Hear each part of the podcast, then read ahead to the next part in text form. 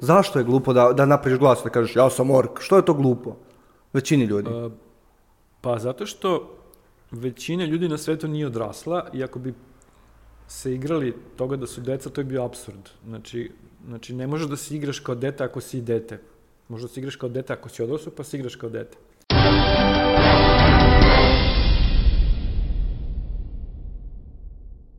Pa, to je u stvari potpuno bizarna priča da smo mi, uh, Radoš i ja i par kolega na poslu, krenuli da uh, role playujemo, to jest igramo Dungeons and Dragons, tipa prvi put u životu sa 29, 30, 30 nešto godina i tako dalje. A ti si radiš počeo sa 10, ja mislim.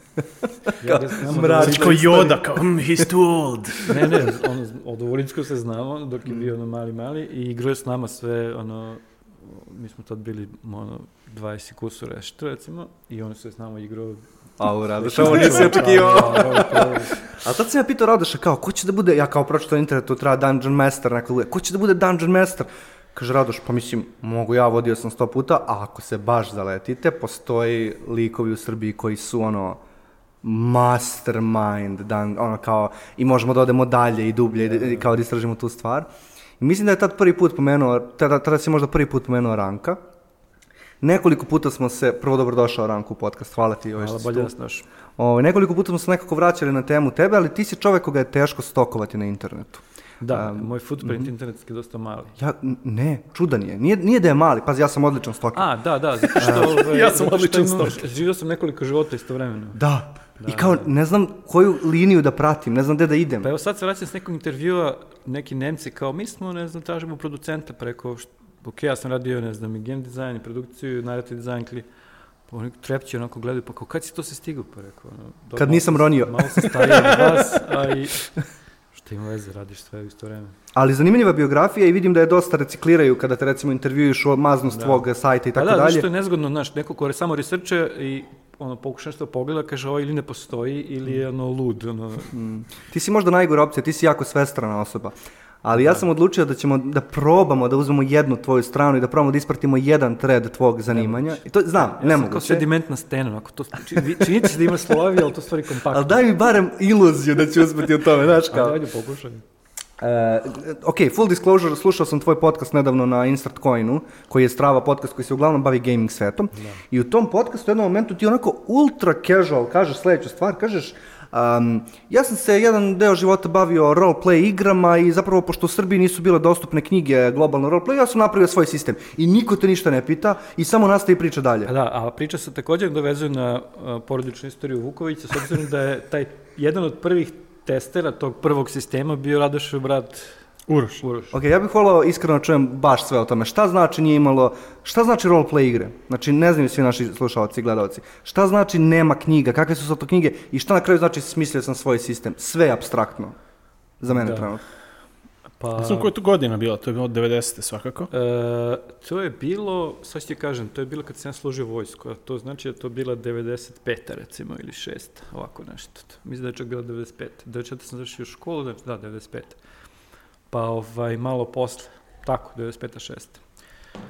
6. Um, roleplay igre šta su? Pa čekaj, možda ceo podcast o tome, bog te. Pa sad Ali ono... možda da probamo ljudima da približimo. Da. Onako, kratko. Pa, hoćete ciničnu verziju? Ili... Ciničnu, može, uvek, uvek. Može. Ima jedan naš prijatelj, koga od Milošta zovemo Deda, koji je stariji od mene, ako je to moguće, i koji je rekao, nekom, nekog je pitao, pa dobro, šta je taj roleplay? Kaže, Pa kaže, sedneš ovako s drugarima, napravite neki lik i onda lečiš komplekse. Kao, to je, to je, to je, kratko, a sad, ono, ne djavolska verzija bi bila igre, igranje uloga, to jest postoje određena pravila, zato knjige po kojima se igrači dogovore sa onim koji će da im bude neka vrsta ono vodiča kroz priču i onda oni zajedno svako igra svoju ulogu, a sve zajedno tvore jednu, ono, da kažem, celinu višeg reda i kao spajaju se u neku priču. Zamislite kao, recimo, kao nekakav interaktivni film koji se, koji se nastaje dok se snima. Znači, nema, uglavnom nema skriptovanja, nema no, ništa nju napred dogovoreno, nego svako iz svog ugla ono, ono, doprinosi priči. I sad to je neka, da kažemo, roze verzija. Ono, između cinizma i, i roze verzije je otprilike izgleda ovako kockice se kutrljuju. 20, pogodio sam krvari creva su mu ispala. Kao, dobro, sledeći igrač, baci magiju koja se zove, ne znam, zavrni mu. Pam, ni- uspeo si, curi mu žuto iz ušiju, fantastično, a, kako je divno. I sad, ono, tako, ono, celo And večer. that's exactly how it happens. Osim A kada ima mi i- igramo, onda je, onako "Mm, mogli bi da kupim spoja." cipele od, ko, od, kakve kože imaš cipele u radnji? Ima, da. i, ima, i, ima i spoja stvarnosti i roleplaya u ovaj, koji se dešava u neozbiljnoj verziji kad se ono, igrači ne, ne ovaj, ostanu, da kažem, u, u tom svetu. Pa je čuvena scena kad se ovaj, 90-ih, tako te sredinom 90-ih se naša drugarica vozila tramvajem da, sa hipodroma, gde je jedan naš pokojni sad drugar već držao ono, kao roleplay, aj kao da smo malo igramo. I onda je razgovor otprilike tekao ovako, jao, jesi znala da je Milica pala, unesi sva iskrvarila. A ova kaže, a, šta je bilo? Kaže, ništa, sve je bilo u redu, dali smo joj trave. I ono kao, to je bila, jedna govore iz roleplay, ono, priče direktno, a ova druga govori iz sveta, ono, svog tramvaja i bilo je fazonu kako je Milica pala, zde, na šta je prokrvarila, zašto su joj travu dali, mislim, o čemu se radi. Tako da, ovaj, da, to je jedna takva igra koja omogućava i to, da čovjek toliko ono ode u priču da... Ili u još ovaj, jednostavnijem primjeru, uh, baš se sećam iz, iz tih nekih godina i sad pričamo o nekim ono svemirskim bitkama, laseri, plazme, ovo ono. I onda je neko rekao, napravio sam plazma tortu. A, da, Još da, njegov da, brat da. kao, plazma To je tvoj burazer bio. Ja sam rekao plazma tortu, a Uroš je bio fazonu plazma tortu, pa te urnebesno, kao... kao laseri, plazme, e, laser i tako da... plazma torta, da. Da, da. Da, da, Zanimljivo je kako uspevamo da, da ono, tako malo da, Ne, da ne, ono, pa to je blurujemo te linije To je jezivo bilo na tom prvom testiranju tog prvog sistema. Uroš je igrao, igrao je Vuk, moj brazer. I mi, smo, mi nismo znali šta nas čeka. To, to, to uh, hoću kažem, mi nismo znali šta nas čeka. Zato što hoću napraviti jedan disclaimer. Ja nisam prva generacija ono, roleplayera u Srbiji. Mhm. Pre mene su bile dve, a posle mene još ne, šest, sedam. Hoću kažem, uh, ja sam prva generacija koja je pokrenula da to bude omasovljeno. Aha. Znači, ja sam ona generacija koja je rekla, e, ljudi, a što se samo mi igramo, ajde, ono, pozovemo drugi ljude. Da, pa Ranko je otvorio klub Tako koji je, se, da. naravno, se zvao bio- Dragon. E, Inače, da. svi klubovi uvek se zovu To je isto Dragon. disclaimer. Ja sam, moj, mo, ja sam otvorio klub koji je bio u mom dvorištu i zvao se Ble, ono, dođite samo da vam se zjebamo. A onda je ekipa koja je oko mene bila potegnula inicijativu. Ja nisam bio taj koji je rekao, ja napravimo zmaj. To su bili Aleksandar Vilotić zvani Kirgan, uh, Mihajlo Tešić, uh, Oliver... Uh, Ček, ček, Mihajlo Tešić, Mihajlo Tešić. Da, Mihajlo, taj Mihajlo Tešić i Oliver, Oliver... Čekaj, kako Mihajlo Tešić, Mihajlo Tešić, ja nisi stao kod Kirgana. Ti ne znaš ko je Kirganov nadimak. Da. Pazi, taj lik i danas, ja sam ga video lik, da. slučajno u, u klubu uh, za gaming koji se danas zove Dragon, by the way, što je, ne znam, drugi neki klub. I otišao sam i video sam lik, ja ne znam kako se taj čovjek zove, ja ne znam liko zna da se, ali ceo Beograd njega zna kao Kir- Kirgan, da. Kirgan Aleksandar. Vilotić, da, da, Kirgan. Kirgan Glavaoseča. Znači, to je njegovo ime, jednostavno. Nadam se da ga Kirgan je dobio u ovaj- roleplay, a ne u... Sigurno. Kirgan Pa ne znam u stvari. legenda ono, scene i kažem ti Tešić, ali pre svega mi je žao što ne mogu svetim Oliverovog prezimena, a on je ono deda Frpa u Srbiji zato što je on jedan od prvih koji je doneo te sisteme. Frp kao fantasy roleplay, jel Da, tako? da, on je doneo neka, mislim, nemačka pravila na francuskom, ovako nešto bizarno. Seems legit. Uh, Meni tako zvuči pravila prevedena na srpski, da, ali, ali, u redu je. ovaj, hoću kažem, mi nismo znali šta nas čeka i onda smo, ovaj, kad smo ono, počeli da igramo, to je trajalo potpuno neplanirano 48 sati.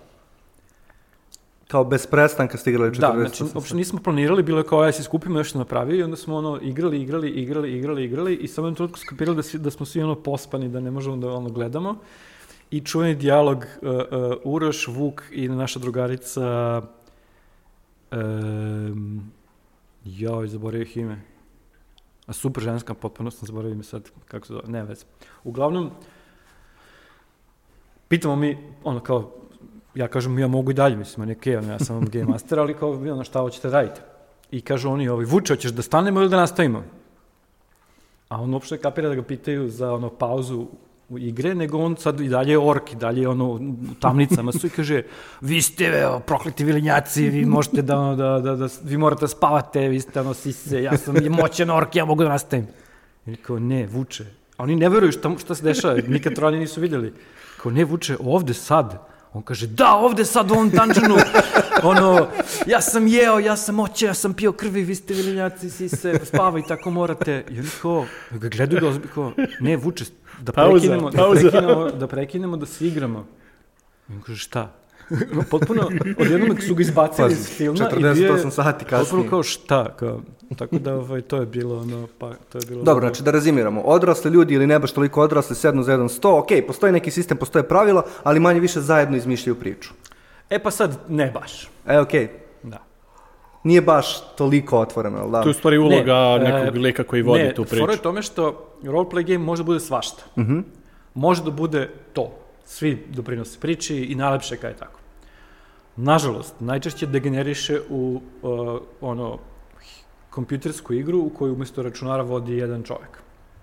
I u, kojoj se za pravila brinu svi igrači podjednako, a ne računar koji je ono tačno pro- programiran da se bavi pravilima. Uh, hoću kažem, mi ćemo pričati o divnim aspektima roleplaya i roleplay kao metod je vrlo moćan, koriste se u poslovanju, koriste se u psihologiji, koriste se koje kuda, ali, ovaj, ali kao igra, ono, roleplay game, skupimo se pa se igramo, to je za svakog čovjeka drugačija definicija. Znači ima jedan, recimo, jedan veliki game master koji se zove, a kako sam grozan sa imenima danas, a, ne, ovog ću se setiti, čovjek se zove Nikola Todorović. Fantastičan game master, ali voli da se ono koriste pravila, da svi znaju pravila, da se pravila dosledno primenjuju, da se naravno pravila budu okvir, jer ne znam, ono, ako ćemo da definišemo igru u sociološkom smislu, to je svi koji su dobrovoljno ustupili u polje, Mhm. u kome pravila definišu to polje, bla, bla, i za njega je to ono igra, jedan da kažem ono miks raznih interakcija koje igrači mogu u okviru tih pravila da idu.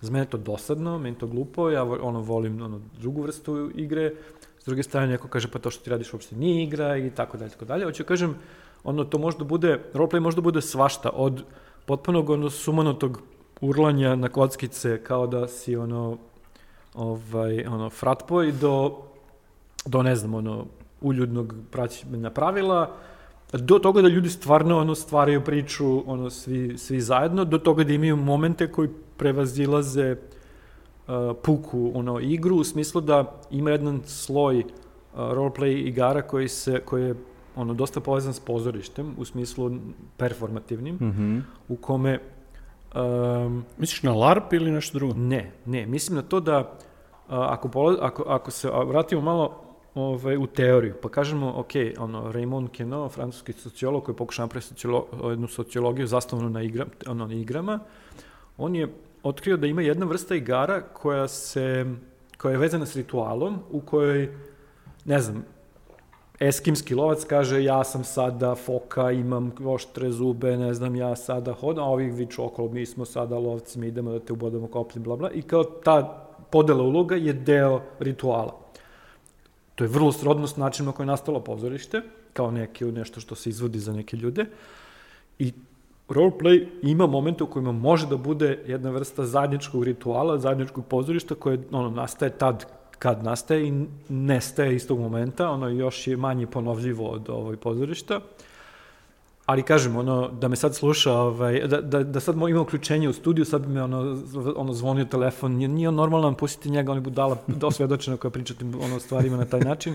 To su bre kockice, ima pravila knjiga, kupiš knjigu, ne smiješ ništa van knjige, možeš samo knjigu, ima tačno avanture koje su propisane, njih čitaš, nema ništa sam da izmišljaš i tako da, tako da. Hoću kažem, roleplay igre mogu da budu užas konzumerizma najstrašniji na svetu, u kome ono, bolje da sam seo s računarom da se igram nego da me još neki ljudi dave, ono, ovaj, a možda bude fantastična stvar u kojoj ono se stvarno razmenjuje. U vezi toga što si rekao, uh, vjerojatno znaš uh, lika, ja ne znam, da, Aleksandar Đorđević, jedan od mm, 400.000 Aleksandra Đorđevića u Beogradu, Aca, koji je Lio figure. Pa znam da, E, uh, to je ono baš kao veteran, on je u stvari, on je možda kao par tih generacija ranije, to je lik koji bukvalno, on je išao na LARP, odnosno live action roleplay na neki način, ono, napoleonska odeća, puška s bajonetom, likovi idu, rekreiraju te bitke i tako dalje. Da, da, on, da, to je baš bio reenactment. To je, Da, pa dobro, dobro, slažem se, Da, ali ono, da, gde je slično, granica slično, svega da. toga.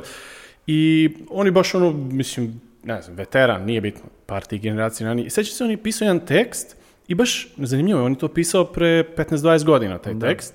ma. I sećam se da je i tada bila aktivno ovo što si sada govorio, kao puno pravila, malo pravila i svidjela mi se ta njegova ono, jedna rečenica e, kao što se mene tiče, sva pravila koje su meni dovoljna, mogu da ono stavim na kutiju čibica. Da, da, da. Baš mi je kao super ono potrefilo kao jedan taj način gledanja na to, kao da. Da. li su ti važna pravila, odnosno ovaj kao kompjuterski, kalkulatorski aspekt, ili igramo se zajedno, da, zanimljivo. Pa da, da, ovaj, u tom smislu e, jedna, jedna jedina knjiga koja je bila na srpskom dostupna zvala se Ratna igra u magiji. Znam tu igru, super slike su bile, ali tako? Da. Kako je to Ali dobro to je bilo? očajan prevod. To je, to je neko, pošto Vilovnjaci. Ne, ne, pazi, pazi. jako. O- zvaničan naslov te knjige je Fantasy War Gaming. Ali, ali je neko to preveo kao ratne igre u magiji i to je objavila izdavačka kuća koja se bavi ono ezoterijom, ono, Treći oko faza. treći oko fazon i to je objavljeno tamo. Prevod je toliko jeziv da je to ono ne, neopisivo. Recimo, Jel imaš ti tu knjigu? nisam da sam nekom Ja dao, stvarno pozivam sve ljude koji gledaju, ako neko ima ovo na polici, platit ću zlatom. Ali recimo ima- Zlatnicima. bilo, bilo je brutalnog, bilo je brutalnog grešaka u prevodu, tipa uh, removing, umesto removing casualties, neko je preveo sa removing causes. I onda je pisalo uklanjanje uzroka. Ili kao, kaki sad uzroka? Sećam se, to mi je bilo kao, kaki sad uzroka? U svakom slučaju, to je bila knjižica jedna koja je na fantastičan način davala pregled nastanka svih tih srodnih igara. Jer reenactment srodan s LARPom, uh, roleplay gameovi su srodni sa wargameovima, wargameovi sa board gameovima, sve to onako povezano. Mi smo to u ondašnje vreme zvali hobi. Kao, Sve to hobi. Kao. Kao, to, to je hobi, ne ulazite Da, dalje uopšte. znači ono kao, ako dođeš da, ako dođeš da se igraš ono, roleplay igre, pretpostavlja se da imaš bar jedan board game kod kuće i da imaš bar jednu armiju za war, za war game. Mislim, kao, znači, si neozbiljan hobista. Hoću kažem, ovaj, to je sve bilo ono, toliko povezano, da, ovaj, a ta knjiga na lep način davala jednu vrstu kao pregleda, kao, okej, kako su nastale RPG igre iz skirmiša, kako je taj skirmiš nastao iz wargaminga, kako je wargaming nastao iz tih ono limenih, limenih fi- figurica i to sve. I ta knjiga je bila jedino što je bilo kao štivo. I onda smo, ovaj, a, a pošto smo, a, a sa Urošem sam igrao onaj uh, Under, Ultima under, da, Underworld. Ultima Underworld, to nam je bilo kao, Kompjuterska aha, igra. kompjuterska igra, 3D i kao, aha, ovo je neki roleplay. Tad, mislim, bile je tad roleplay igara, ali kao nismo baš skapirali u čemu To je jedna od prvih roleplay igara, Nije, da? nije, nije, nije, Ima ono. Eye of Beholder, Ne, tamo ne, to ne. su bile te neke igre iz Bi- prvog lica, ali je bilo družina. ih je, ali nam je nekako bila ova, ne znam zašto nam je ta Ultima bila kao, aha, ovo je roleplay igra. No, si- sve toga, vidjeli smo kako to izgleda, ali nam nije palo na pamet da to kopiramo. Mhm. Nego kao, aha, to je zanimljivo, onda sam napravio, i onda sam napravio ovaj, ta pravila, znači kao ne znam kako bi izgledao jedan lik, šta bi, koje bi mu bilo osobine, bazirano na toj knjizi, nisam ih ja ono, izmislio ono, u smislu kao, ha, mogli bi da uzmemo kockicu za 20 strana, javlja mi se, nego ono kao, imao sam ideju kako, Svini, kako se da zove izgleda. taj, jesi na, jel ste nazvali taj sistem pravila neko? Ne, nije bilo potrebe, mi smo to prosto napravili da se, ono, da se igra i ono što ja nisam tad znao, to je da, ovaj, da u to vreme već se razvija, ono, da kažem, nekoliko doktrina igre, ono, kako ono, se to igra, u smislu da uh, ima nešto što se zove theater of mind, a to je znači igramo se bez propsova. Znači imamo kockice, imamo papir, imamo pravila, ali nikakve nemamo figurice, nikakve nemamo... Mape, da. gluposti, nego sve, svi zamišljamo kako tako zamislimo. Je, tako je. A ovo je bilo kontra. Ja sam bio u fazonu, ne može se igrati tek tako, mora se bre ima nešto materijalno. Onda sam ja seckao, ono, crtao, ono, svaki predmet u igri imao, ne znam, svoju sličicu koju ti dam fizički u ruke, ne znam, protivnici su bili seckani, napravljeni mape su bile unapred nacrtane, sve to, to je bila neka tiještina, ono, puna tih, ono, propsova. I stvarno je moglo da se igra samo ta dva dana i posle toga nikad više. Uh, plus smo naravno ono u sred igre skapirali nedostatke tih pravila, u smislu da ne znam, pravila su bile prilično detaljna, kao aha, ja bacam kockicu, pa te kao pogodim, pa onda bacam kockicu gde te pogodim, pa te pogodim tu, pa onda bacam kockicu da vidim koliko se te povredio, pa onda, ali to se na kraju, pošto sam ja naravno ono očajan matematičar i nikakav ono logi, logičar, E, to se na kraju svelo na to da su ono Uroš je skočio Minotauru s jedne na jednu ruku, a ne znam, ovaj Vuk na drugu ruku, su mu testerisali ruke. kao, šta god bace, pogodimo u ruku. To je kao, znaš, ja sam zaboravio da postoje ono verovatnoće koje treba da se prilagode i to sve.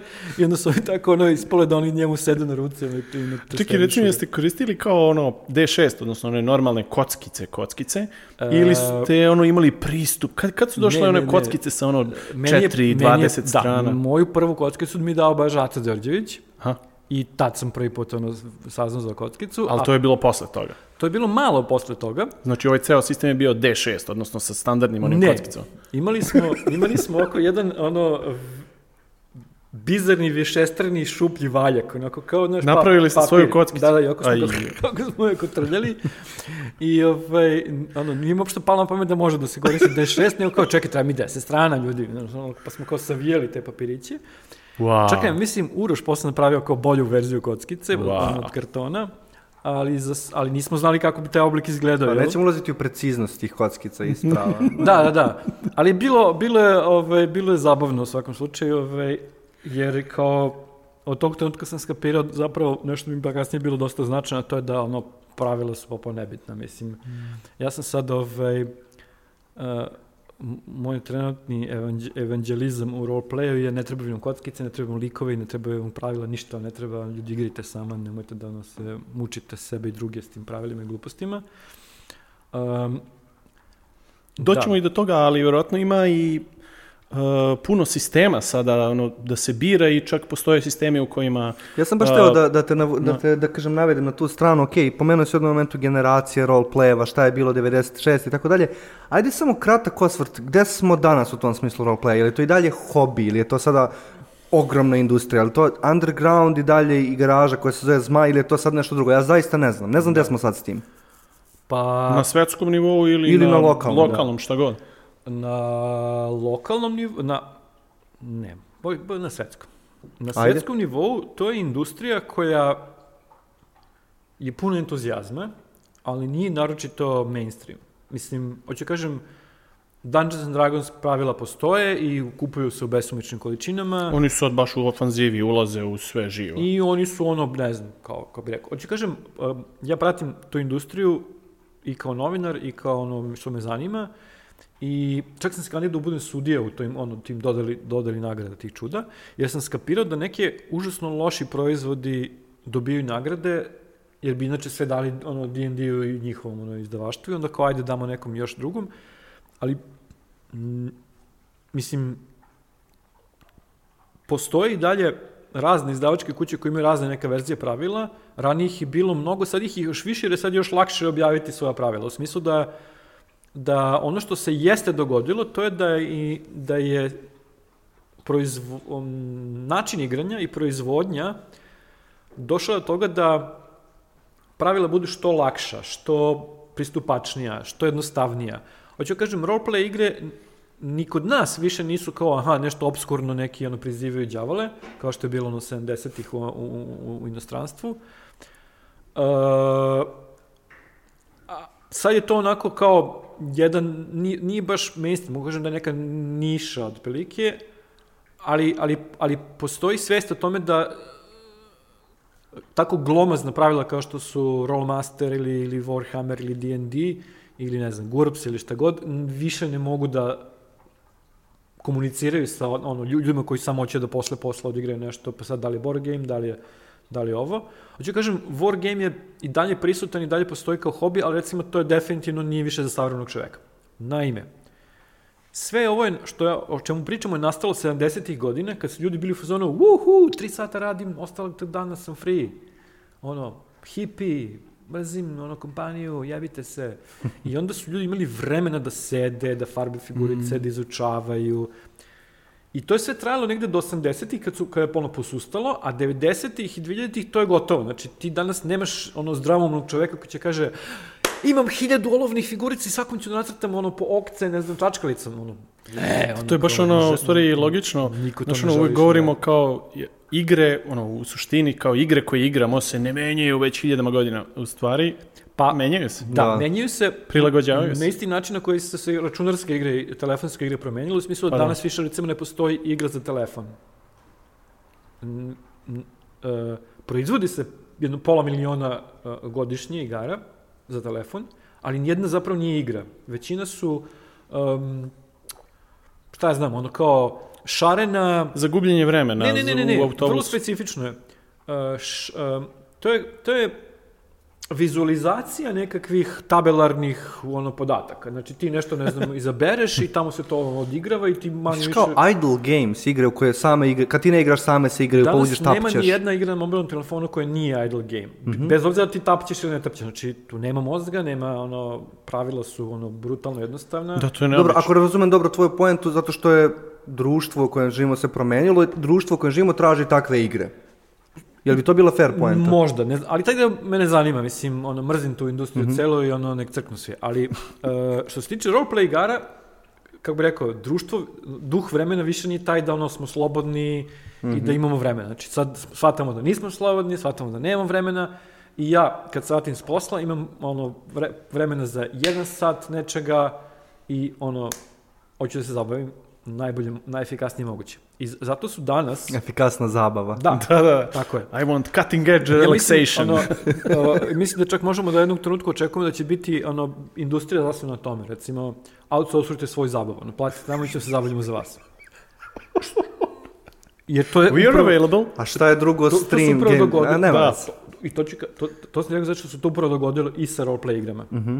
Vratit ću se na to. Dakle, ljudi na svetu nemaju više vremena i došlo je do toga da su roleplay igre sad ono jedna stranica Mhm. A4, to ti pravila, ono, na kutiji šibica, Da. ili već onako pravila koja ne pokrivaju sve moguće slučajeve. Naime, ono što je problem sa D&D-em i sa tim svim drugim ovaj, Jeste, sistemima, da, to je, bukvalno imaš kao D&D stara pravila.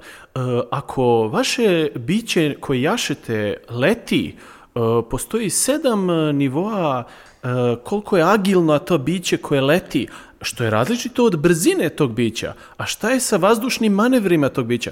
Da, Kad da, ćeš okrenuti tu stranicu? Kada se- vaš heroj jaše leteće biće u... Du, what, nikad se to neće desiti, razumiješ? Ali to imaš u knjizi.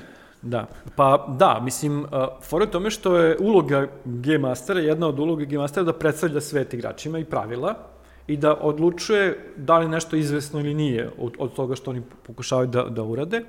I odnosno na to pravila su uvijek davala tako neke opšte ono, ono, ono stvari tipa ne znam koliko sveće daleko baca svetlo, Dobro. ne znam, koliko brzo otrov deluje, koliko ne, i sad tako ono uglavnom orijentisano na borbu jer je to kao bio ovaj najlakši ono način da, da se povežu na različiti Stvori ljudi, drama ono, ljudi, neka, da. da se stvori neka da tenzija. Ali danas imamo uh, žanrovske RPG-ove, recimo kao, ok, ono, RPG koji se bavi hajstom i ne zanima nas koliko gori sveća, koliko ne znam, ono, i Izvini, naletao sam neki koji je tipa srednjoškolska romance priča koji je roleplay, smeštena. Tako je. I samo se, ono, pravila se bave samo tim aspektom i svi igramo samo to. O, I kad da. nam se igra nešto drugo, uzmemo druga pravila. Ono.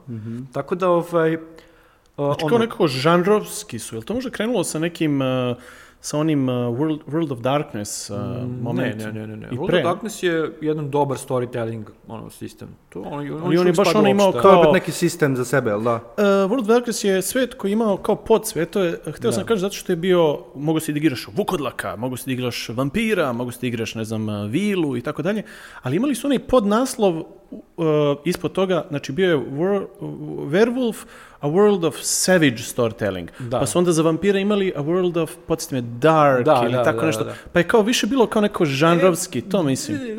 Možda je to tu krenulo, ali to je još uvijek bio opšti sistem, Da, su da, da, da, da je svakako, svaki ono svakako. kompletan. Ovdje govorimo o, o igri recimo koja se zove Honey Heist. E, igrači su medvedi. Ono, ti si beli meda, ti si mrki meda ja, kradu med. i kradeo med.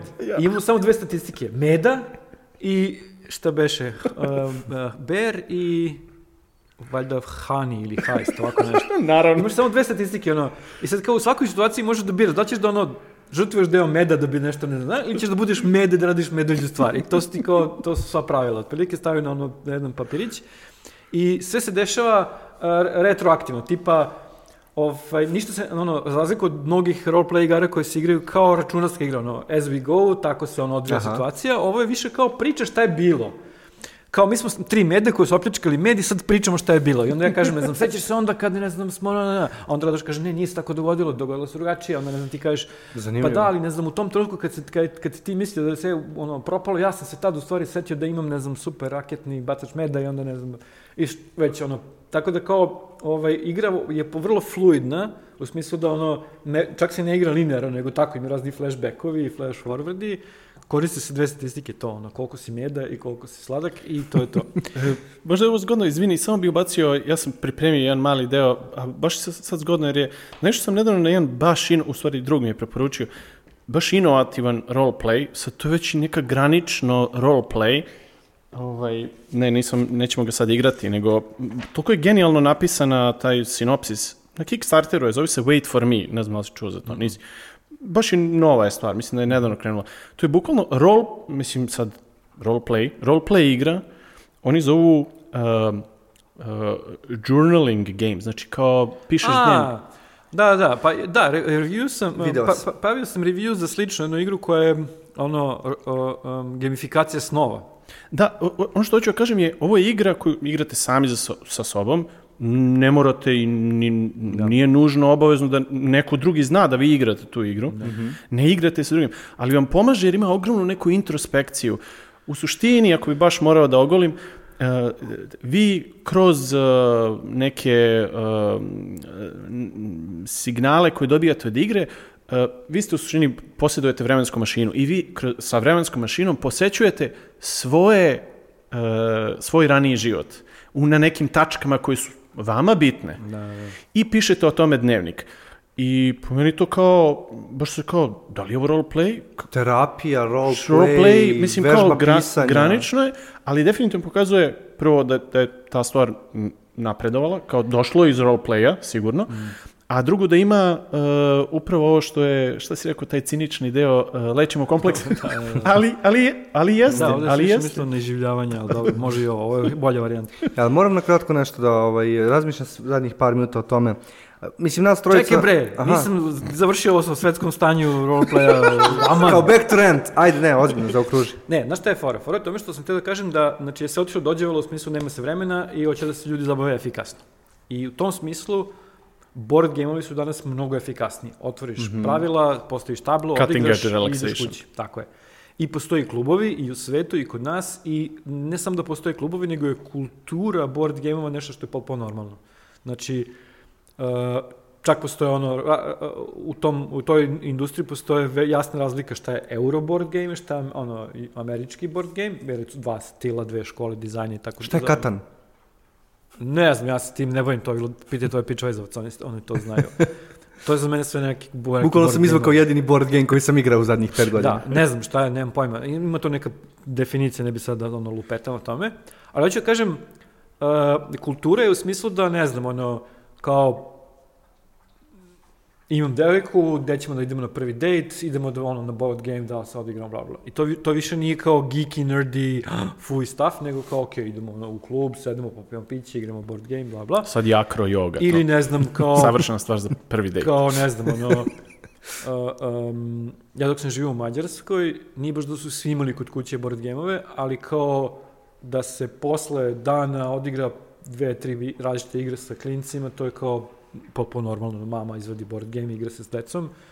Uopšte nije kao nerdy mama ili ne znam, unique mama ili ne znam šta već, nego prosto... Kod nas nije tako, zar ne? Moj utisak je, nije baš ni da je kao potpuno... E, Pa sigurno neće Skrajnuto. izvoditi kao Pa- da odigra role play, možda će Ne, i ne. odigrati kao board game neki. Board game je više ušao u, Mm. da kažem, opštu kulturu, u smislu da, mislim, kako bi rekao, naše društvo je inače ono, ovaj, čudno, ovaj, tako da ne znam, ono, nećeš sigurno, nemam pojma, znači ne govorim sad o ono, o, o, o hm, to je sad, da, evo ovako, ako za, zalutaš u Boljevac i izađeš iz kafane i niko neće ka- kazati čekaj bre, nismo dovršili partiju katana, ono, ajde vrati se, razumeš. I to je okej, mislim, ljudi se tamo zabavaju na drugi način. A s druge strane, nije baš da ćeš svuda u Beogradu da kažeš, ej, ja da igramo board game, a onda će kažu, a šta je to, o čemu se radi, ili već Mm. roleplay game.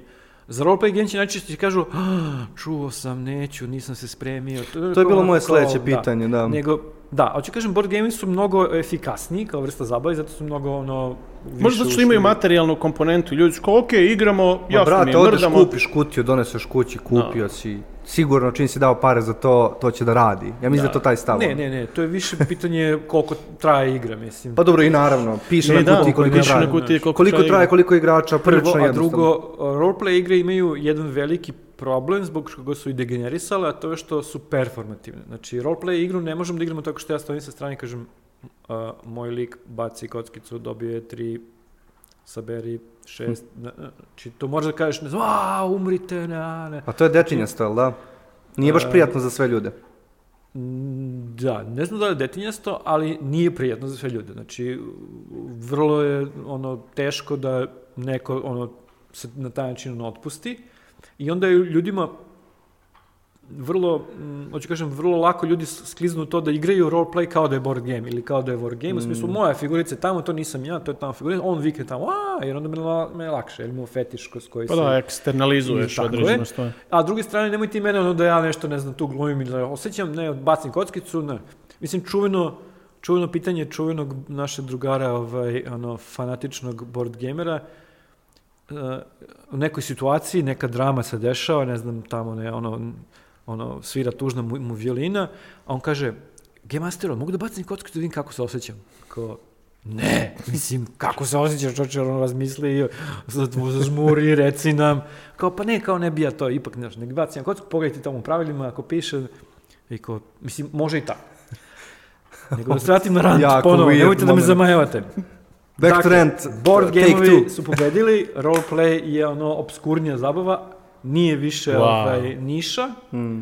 Wow. a, koja totalna kao što je bila ono do a, kao što je bila ono dugo, ali ni kod nas ni u svetu nije totalni mainstream. Hoću da kažem da u Španiji postoji, ne znam, ono kao, ne znam, deca idu u školu, onda posle škole idu, ne znam, na futbal, na engleski i na roleplay, ono, klub. Znači, nije totalno, a, totalni, ono, anti-mainstream u smislu da ono, došao, dešava se dolazi institucije, tim pre što je roleplay kao metod, ono, jasno prihvaćen i koristi se i bla, bla. Uh, I u treningu, i u psihologiji, i u terapiji, i u svemu. Mhm. Ali hoću da kažem, um, uh, uh, uh, mm, da, ne postoji neka vrsta kao, aha, koji to ljudi igraju roleplay, koja je to klasa, koja je to ono, socijalni sloj, svašta ono, ono ima, svašta se Ali dešava. hajde samo kratko preformulišemo to. E, pomenuli smo malo pre tu odbojnost kod ljudi. Šta je, šta je u stvari to, zbog čega je ljudima to neprijatno i zbog čega gledaju na taj način na roleplay da ne žele da se upuste? Čega se oni plaše? Šta, šta se boje da će se dogoditi? Ili je to prosto nikad u životu nisu bili primorani da odglume nešto, da nastupaju na taj način i jednostavno nisu spremni za to? Ili postoji nešto dublje? Zašto toga? im je to glupo? Zašto je glupo da, da napraviš glas da kažeš ja sam ork? Što je to glupo? Većini ljudi. Uh, pa zato što većina ljudi na svetu nije odrasla i ako bi se igrali toga da su deca, to je bio absurd. Znači, znači ne možeš da se igraš kao dete ako si dete. Možeš da se igraš kao dete ako si odrasao, pa se igraš kao dete. Ne znam, nijednom tati nije glupo da kaže bebi "Đu, đu, đu, đu, đu, đu." Ali ne znam, ono kao nekom klincu, za da on kaže đu, đu, đu, đu, kao me, to je bez veze. Po tom To je principu. Znači, i da. po tom principu 90% ljudi na planeti ono, ne voli tu vrstu podutinjavanja. Wow, pa to je baš bila znaš, brza definicija. Možemo na sledeće pitanje. Pa ne, ozbiljno. možemo bre, nisam završio još o problemima roleplaya u svetu. Veruj Ono, mi, do kraja podcasta ćeš sigurno zaokružiti Ne, svoju zato što je poentu. ograničen je format ono... ne, ću, uh, evo, br, ubrzat ću maksimalno. Dakle, uh, Niša izgubila je od board gameova, međutim, pošto je performativna, pojavili su se, ovaj, pojavilo se to da ljudi gledaju drugi ljudi kako se igraju. Critical role. Critical role. To je jedno zlo. Ljudi, to je zlo, užas. Zašto se ložite na to? Vi niste normalni čovječe, ono, prekinite gledati to. Znaš Samo zašto? evo- Zato što mogu iz delova, verovatno, Ja ću iz da ugla gledam. amatera da objasnim Critical Role. Ja, naravno, da sam uplivao u svet Critical Role. Critical Role je YouTube kanal, između ostalog, neću sad ući u sve detalje, ali između ostalog YouTube kanal koji ima milionske preglede videa koji traju od 4 sata u kojima profesionalni američki voice actors, znači ljudi koji daju glasove igricama i filmima, igraju roleplay. I ja sam bio u fazonu, kako ovo postoji? Zašto postoji milioni pregleda na ovim videima? I Da. totalno sam bio zbunjen. Ne znam, užas, užas. Ne, Ali ajde sad ozbiljno, što je tebi to užas? Meni nije, bil, meni nije bila reakcija užas, više sam bio u fazonu kao, kako, zašto? Pa užas prvo zato što, kao što kažem, roleplay igra je efemerna stvar. Znači, To je neki nastaje simptom tad- degeneracije sad nastaje- roleplaya. Tad nestaje i vrlo intimna stvar. Znači, ono, neću da idem pričam svima šta si ti ono, na roleplayu radio, osim ako nije naročito zabavno, imamo konsenzus da je to okej, da se. Ti znaš da se ova epizoda zove roleplay za odrasle? Da. Ok. Ovaj, I da možemo da A, isečemo čekaj, ja bilo koji deo. Da, pa najzastupljenije su ne znam, seksi sobarice, princeza Leia. Da, vidim iz početka. Ovdje zamajavate me opet. Uh, Uh, Critical Role najveće zlo zato što je efemerna stvar uh, da, roleplaying. da, da. Ne samo da, je, uh, da, da, da je ne odgovara prirodi roleplay ono, i tome šta može da bude, nego dodaje jednu, navodno je to kao f- nešto slobodno, kao neki ljudi slobodno pred nama nešto rade. Uh, to je recimo isto kao što je, ne znam, catcheri su ono slobodni da rade šta hoće, u stvari je sve skriptovano, tako i ovo, to, mislim, ono, gledate neke ljude koji nešto ono, izvode za vas. Ne ništa protiv. Ali, ono što mene ono, tu pogađa ono, kao matorog džangrizovog dijema, to je što umjesto da daje slobodu, kao što bi trebalo, ona dodaje novi nivo oficijelnosti. Znači, nema ništa nakaradnije nego u jednu slobodnu stvar kao što roleplay, nagurati, aha, ovo su pravila, ovo je oficijelno i to je meni tužno. Znači, ja kad dođem u klub negde neki ili pričam s nekim ljudima kao, e, si vodio onu avanturu, kao, baš im je dobra. Kao, koju? Zašto bi vodio njihovu avanturu? Pa imam svoju. Mislim, imam svoju priču, ću ispričam svoju priču. Pa kao, ne, znaš, ali kao ovo je, znaš, ipak ono, ready made, sve je spremno, sve mm. Ma, u redu, nije nikakav problem, slobodno uživaj. Mislim, to svakako neće biti njihova avantura, jer ti je vodiš, nastaje ponovo Jasno. u tom trenutku.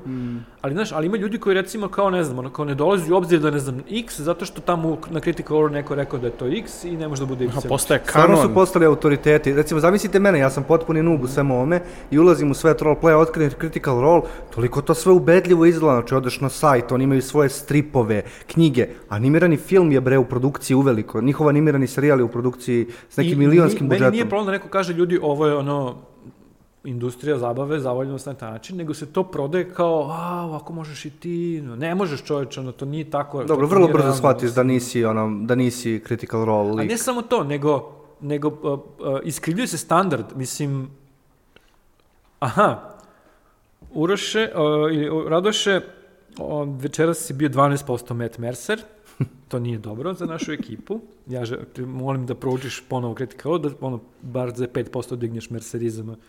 Do te mere. Plus, Nisam znao da je to toliko uticajno. ma to je jezivo, če ima... Taj DM Matthew Mercer Da, je... da, da, znam, ja znam. pozivam sve gledalce da odu na Critical Role na YouTube, čisto Ne. da pogledaju na 5 minuta, samo da vide o čemu pričamo. To je kao, bi bilo Trip je zgodno. u tome što naravno da ono milion ono nekih game mastera i, i njihovih igrača umjesto da kažu hoćemo da nađemo šta je za nas roleplay će umjesto to, ono, toga da rade sad kažu e hoćemo da budemo kao ono Matt Mercer i da, ili već ne znam kao. Hoću da kažem ovaj a, a, nije, nije ništa protiv pričanja o tome javno. Recimo, ne znam, meni je ovaj, ima onaj Covil, Matt Covil, koji je kao njihov neki drugar, a koji ima svoj neki po, ono, vi- video i priča o sistemima i vrlo je ono, nas, ono, što dalje od mene. On isto to pravila, ok, možemo da ono, ih modifikujemo to sve, ali kao, znaš, ipak kao, ono, ne dovodi ih u pitanje, nego kao kako da se priča, jel napravi što bolje. Ali čovjek jako lepo priča, jako dobro zna i jako vraća ljudima, ok, ali to je sad, znaš, ono, kreirajte vi svoje, mislim, ovo sam ja ovako rešio. Ali i dalje je to, ono, za mene fuj, mislim, ono, neko ko se tako drži, da kažem, ono, nemam pojma, mislim, ja se slažem da ne znam, u futbolu ne treba reći, pa dobro, što sad igramo sa limenim go, ono, metalnim golem, što napravimo golove od gume, pa malo se ono mr- mrdaju, pa kao nije u redu. Ali za roleplay, mislim, da ti dovoljna livada, a i ne mora da bude livada, može ti bude livada u glavi, ono, ne moramo uopšte da se vidimo, možemo da se čujemo, možemo da, ono, bitno je samo da, da možemo da komuniciramo nekako, možemo da roleplayemo, ono, što kaže Kirgan, ajde igramo neke nepoznate bolesti, ono, da svako da bude, ono, ne bude lik, ne bude, ono, da bude virus. Da, mislim, ja znam uh, da, šta, sad- šta te mori baš uh, sa tim D&D-om.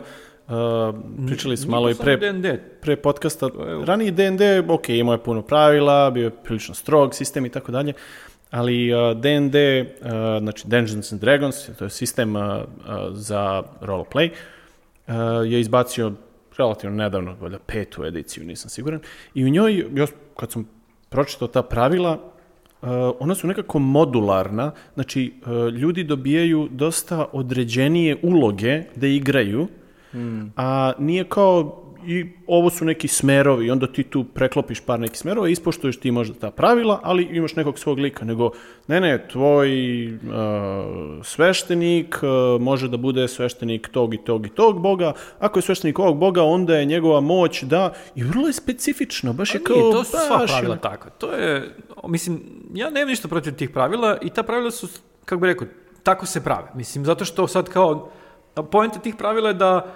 aha, ako hoćeš da budeš bog guštera, kupi naš dodatak koji se zove gušteri bogovi, znaš, i to, mislim, zbog toga je to tako. Ali, ali to je sad bilo kojim pravilima, ono, mislim, nije, nije tome problem. Problem je tome što danas ljudi koji su zategnuti, napeti, ubijeni u pojami, koji mi samo sad vremena da se efikasno zabave, samo im još fali zabava koja će bude teg, ono, povrh toga. Umesto da neko kaže, idite, bežite, ono, jurite se po poljani, vrištite, makar i virtualno ili, ono, ili u glavi, neko im kaže, ne, ne, ne, sad je u zabavi, treba da imaš ono, oficijalnost koju treba da slediš, idola kog treba da, da, da, da poštuješ, ako Matt Mercer kaže da je tako, onda je tako. Mislim, kako bi rekao, Zar nije malo ono malo umlja i ono jedno umlja i jedno one way streeta u glavi van zabave, čuče, pa što to vraćate, znaš, u zabavu? To, to je smo, ono problem s moje tačke gledišta. Hoću kažem, ti ako mi kažeš, igrat ćemo D&D, pošto ćemo pravila, ne znam, priča se, zove se, nap, igramo napisao avanturu, bla, bla, ja ću samo kažem, nemoj mene da zoveš, mislim, igra, ali igrajte se nemam ništa protiv, to je roleplay game full, ono, sve u redu. Ali, Znaš, ali ako mi kažeš, e, pa ne može, znaš, to, ne znam, ono, po zvaničnom tumačenju svetog Mercera nije u redu, ono kao, brate, ono, ostaje mi na miru. Problem je u tome što uh, mi smo kao civilizacija izgubili kreatorstvo kao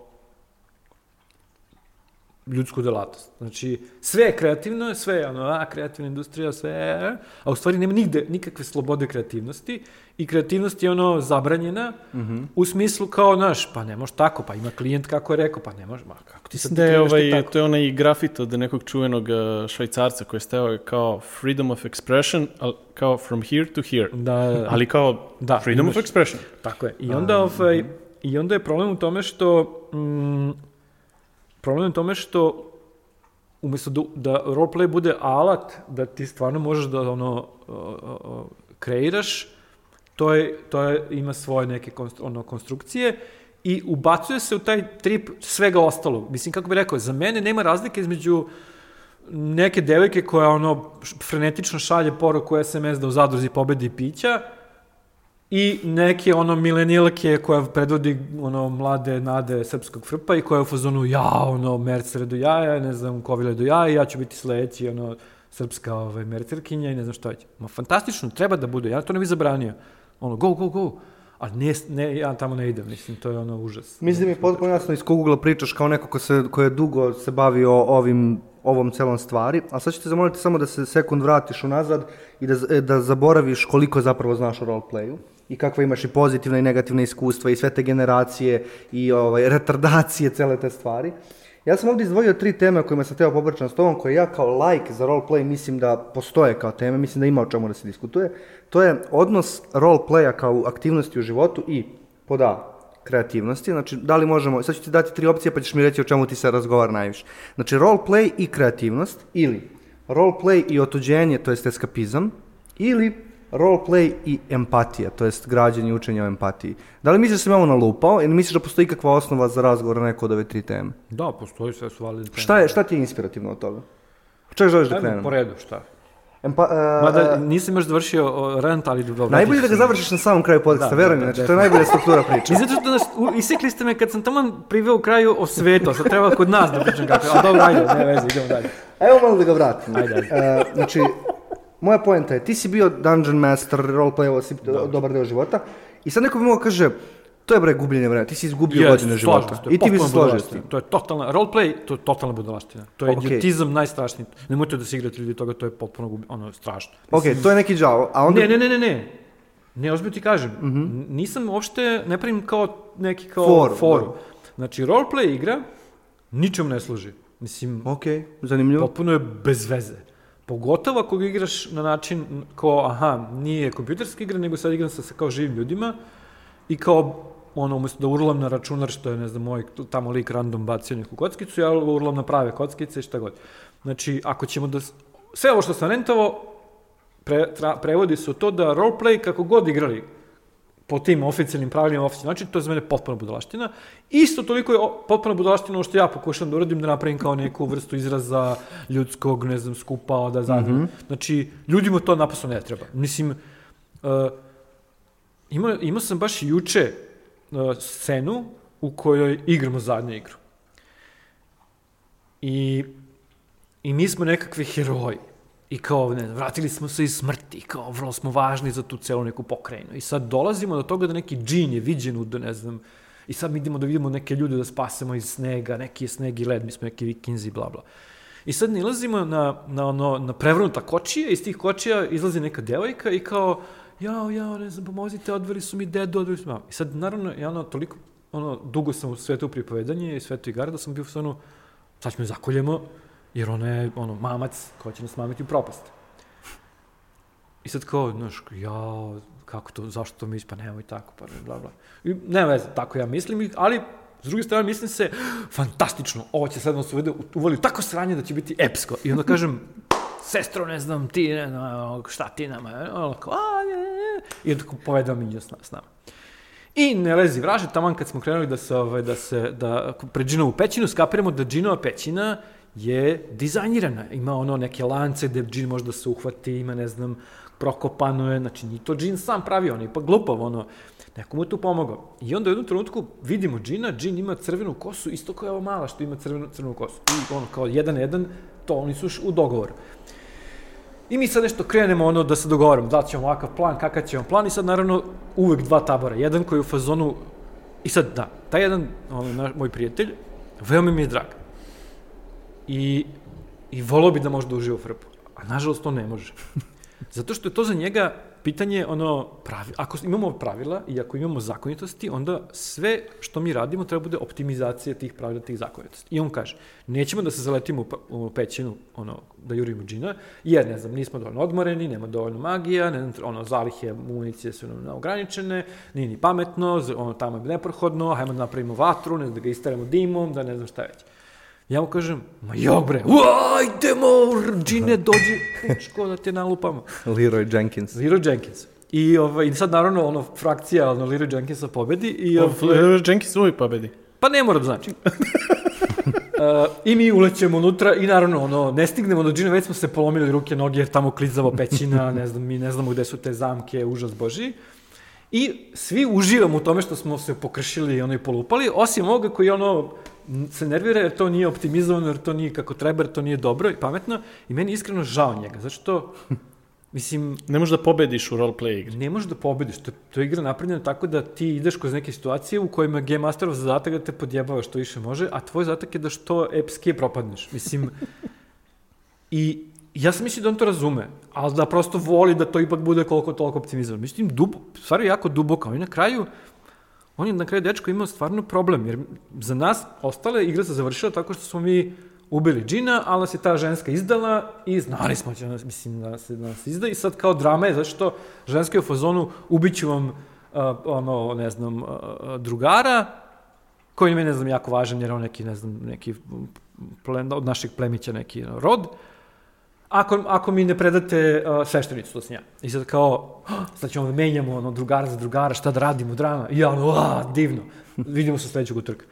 Ali za tog uh, mog prijatelja, tu, tu tek počinje noćna mora. On, on, on je zvao telefonom GM-a i nervirao se, i živcirao se, i pitao kako je to moguće, pa zašto niko nije primetio da je ta žena ovaj, iz, izdajnik, pa, jer on nešto zakasnio u frpu, pa sad smo mi krivi što nismo primetili na vreme. Pa ne znam kako on to dozvolja, pa zašto nas maltretira, pa kako to, ono, kako to, kako to može, pa ne... Onda ujutru nije prestalo, nego ujutru bio u fazonu, ovaj, ono, a, šta ste vi radili, zašto to nismo palje organizovali, sam vam rekao da trebalo, bla, bla.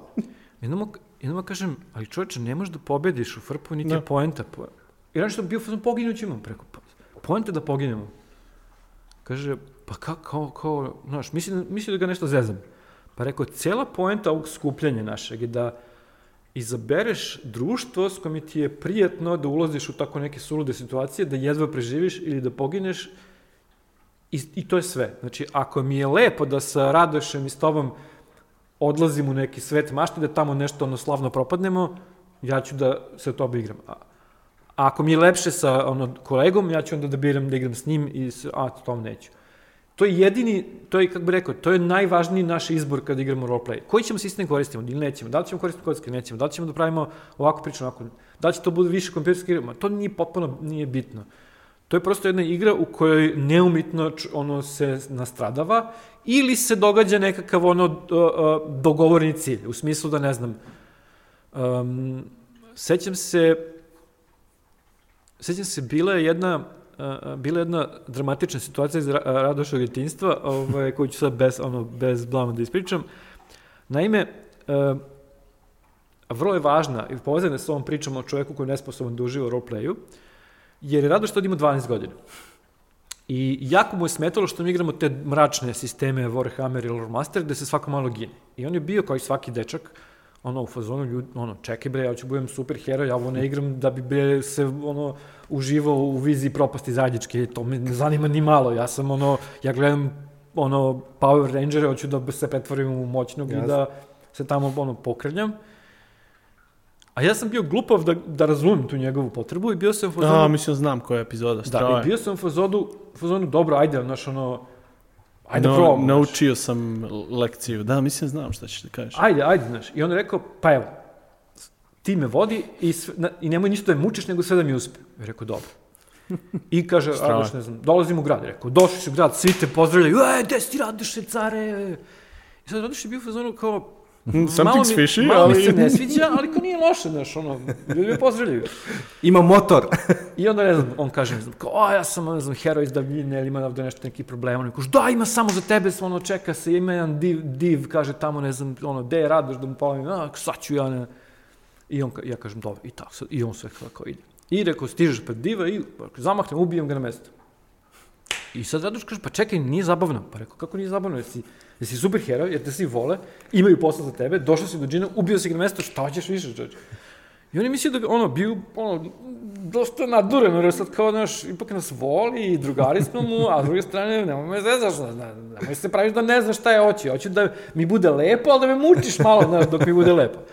Pa rekao, pa to i radimo, ono, s ovim delom samo da malo više mučimo, da bi bilo više lepo, a to ti je... Odnosno, ako da citiramo Mr. Andersona iz Matrixa, ona utopija ne funkcioniše. Čitave letine ljudi su izgubljene, jer Da. kad nemaš taj, taj deo kontrolisane propasti. Tako je, ali hoću da kažem, ovaj, a, a, Radoš je ispravno zahtevao da to bude prividno teško.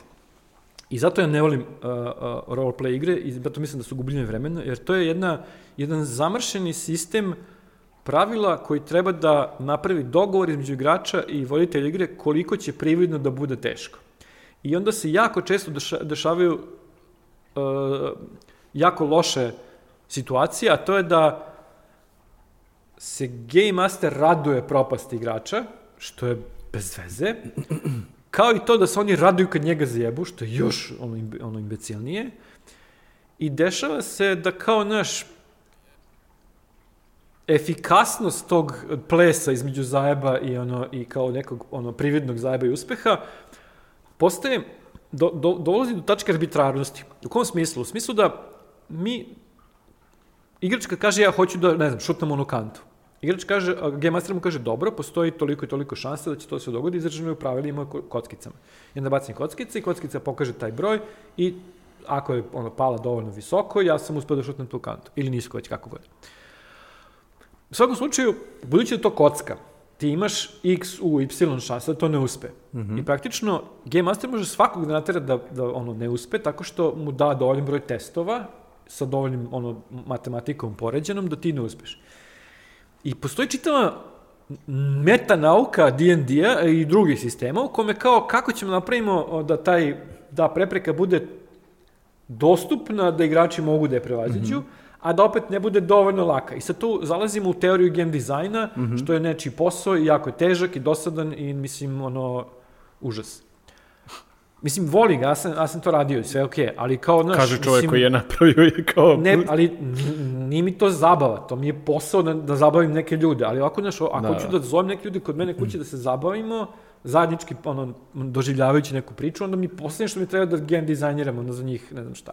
A pogotovo ne da se oko toga još i nerviram i da se što go oni nerviraju, pa ono, sve može čoveče. I ono, radi. E, radi ako nisi neko ko ima 12 godina, jer to stvarno ono, klincima ne treba, ili ako si čovjek koji ima um ne, 20-godišnjaka, a mnogo ih je takvih. E, mnogo nas je takvih. Mislim, hoću kažem, nije to sad kao nešto, ono, neka podela, ali, znaš, u ovom tehnološkom društvu u kom je efikasnost sve i svašta, mnogo ima ljudi koji su u tom fazonu, kao, znaš, zabavi me tako što ćeš mi prividno davati neke teškoće, onda ću ja da ih prividno rešim onda ću da se osjećam bolje i daj mi da, to, da se sve to dešava u takvom okruženju koje mogu da kontrolišem, na koje mogu da utičem i onda se dešavaju grozne stvari, da tipa, ne znam, kao, e, ja ću da budem, ne znam, a, a, a, sveti ratnik e, iz pakla, ne znam, ono, zato što imam bonus na tri... I sad kao, znaš, govorimo o nekim pravilima igre koji dobe, do, prave neke čudne kombinacije To su mančkinisanje, kao, imaju kao termin za to. Da. Munchkinson je ekstrem, ali, ali svaki igrač uh, koji igra po pravilima je Munchkin. Znači, razmišlja i u priči i u meti. U smislu, ne znam, kao vidiš, ne znam, na ovom nivou ću uzeti ovu magiju, jer ova magija presta bude efikasna. Meni to bez veze, kao čekaj, ali ono, kao tvoj lik se rodio s tom magijom i voli je, ne znam, i to mu je baba ga naučila, što ne bi nastavio da koristiš iako je neefikasna. I tu dolazimo do situacija u kojima kao, ono, e, nemoj da glumataš, nego ono, izaberi efikasnog lika, jer ako si neefikasan, poginut ćemo. U toj Jasno. privi... Da ćemo stvarno poginuti, rekao, dobro, stvarno će biti efikasan, ali u prividnoj, u iluziji prepreke, da bi dobili iluzornu nagradu, ja treba da se, ono, odričem svog prava da igram šta hoću, pa to je ludi imbecilno i gubim vreme. Znači, roleplay Pa igre, tako postaviš, onda da. roleplay igre ničemu Ali nije, ne služe. zato što, zato što ne pričaš o jednoj stvari. Ne, ne, ne, ne slažem se s tobom. Ni, ničem ne služi. Znači, to je zlo. Ja radim narativ dizajn. Učim ljude da pripovedaju. I- Narativ i roleplay ti za- ni u kom smislu nije pomogao u tome. I za igre. Znači, ja sam, ono, na- ja učim ljude kako da postave igru i kako da postave priču i kako da to spoje, da to funkcioniše zajedno. I ima mnogo budala koji se time bave i koji su ubeđeni da to jako dobro znaju da rade samo zato što su igrali roleplay. Pa to je, nije tačno, razumeš? To, to je čit, ono, ljudi, to je ono, znanje strukture narativa, znanje ono, naratologije, znanje književnosti, znanje game dizajna.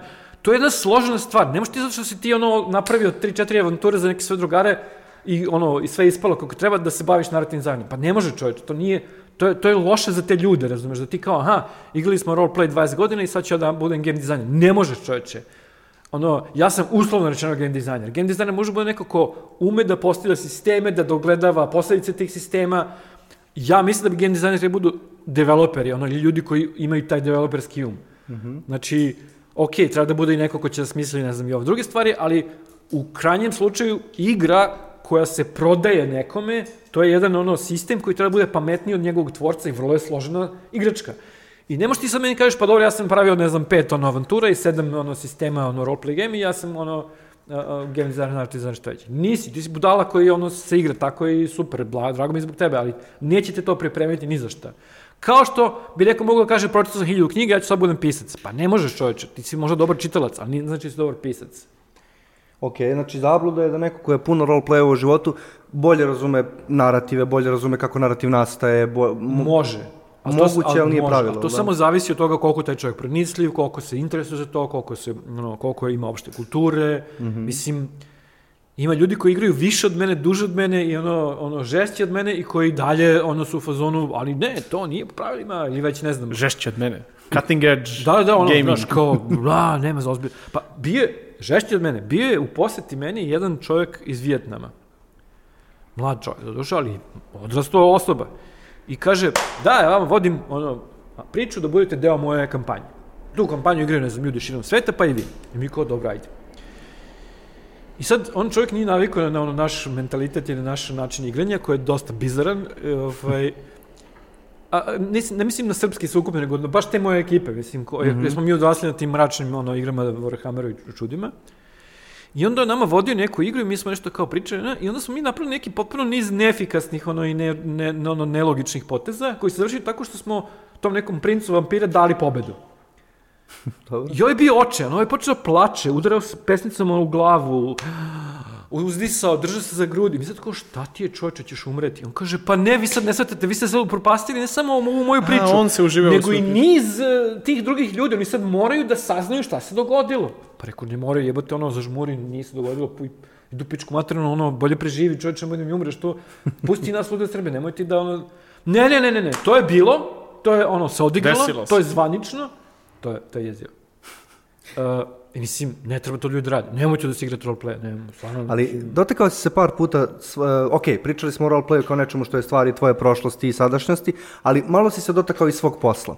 O, ono što je meni bilo ultra zanimljivo kad sam ja krenuo da čitam o tebi, ti si jednom momentu rekao, i nećeš mi zameriti ako malo omašim, ali pokušat ću da parafraziram, postoji nešto što se zove script doktor i to su ljudi koji, recimo, pišeš scenariju filmski ili nije bitno koji, dođe neko i pokaže ti šta ti ne valja u priči, da, ti je bug u priči. E ti tako nešto slično radiš s ljudima koji razvijaju igre danas. Jesam dobro razumeo taj deo? ni za termin script doktor do danas. Pa i meni, ja sam recimo prvi put čuo, čini Da, mi no. se baš od tebe. Da, ja recimo, moja, moja ovaj, specijalnost je da ovaj, lečim ranjenje priče. Znači, čovje ono donesu igru i, Tako je. ima, i ono izmešane su igre i priča i ja im kažem, ok, ovom neće da vam radi zbog ovoga, ovo neće raditi zbog ovoga i predložim im šta da se radi. Da li si svestan koliko je to užasno abstraktno za razumeti? Ja, ja apsolutno ne mogu da razumem šta ti tu radiš. Evo, vrlo praktično. E, neki Rusi su napravili igru koja je management igra. Znači ti imaš, ne znam, tri dela, tri sekcije grada, svaki sekcija grada ima neku svoju odbranu, ti imaš neke resurse i sad ima neka pravila po kojima se ti resursi obnavljaju, bla, bla.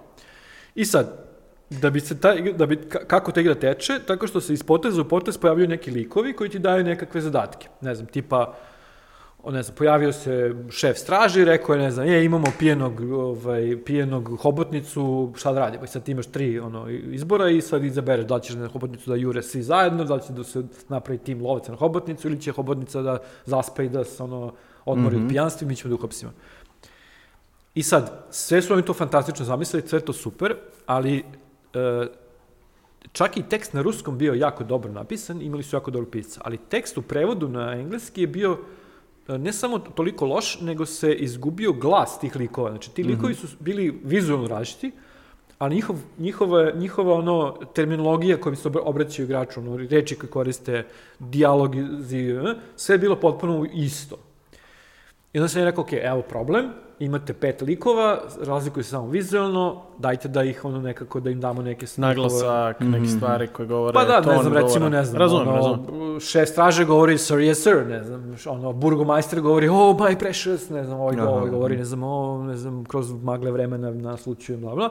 I uglavnom, moj zadatak je bio da im kažem kako te likove da urade, u smislu šta tvori, e, šta tvori jednog lika, koji su ana, koja anatomija lika, gde im po toj anatomiji ono, nešto neštima. I Jasno, ali zašto si ti to video, a oni to nisu videli? Što ste vi to, št- šta vas razlikuje u stvari?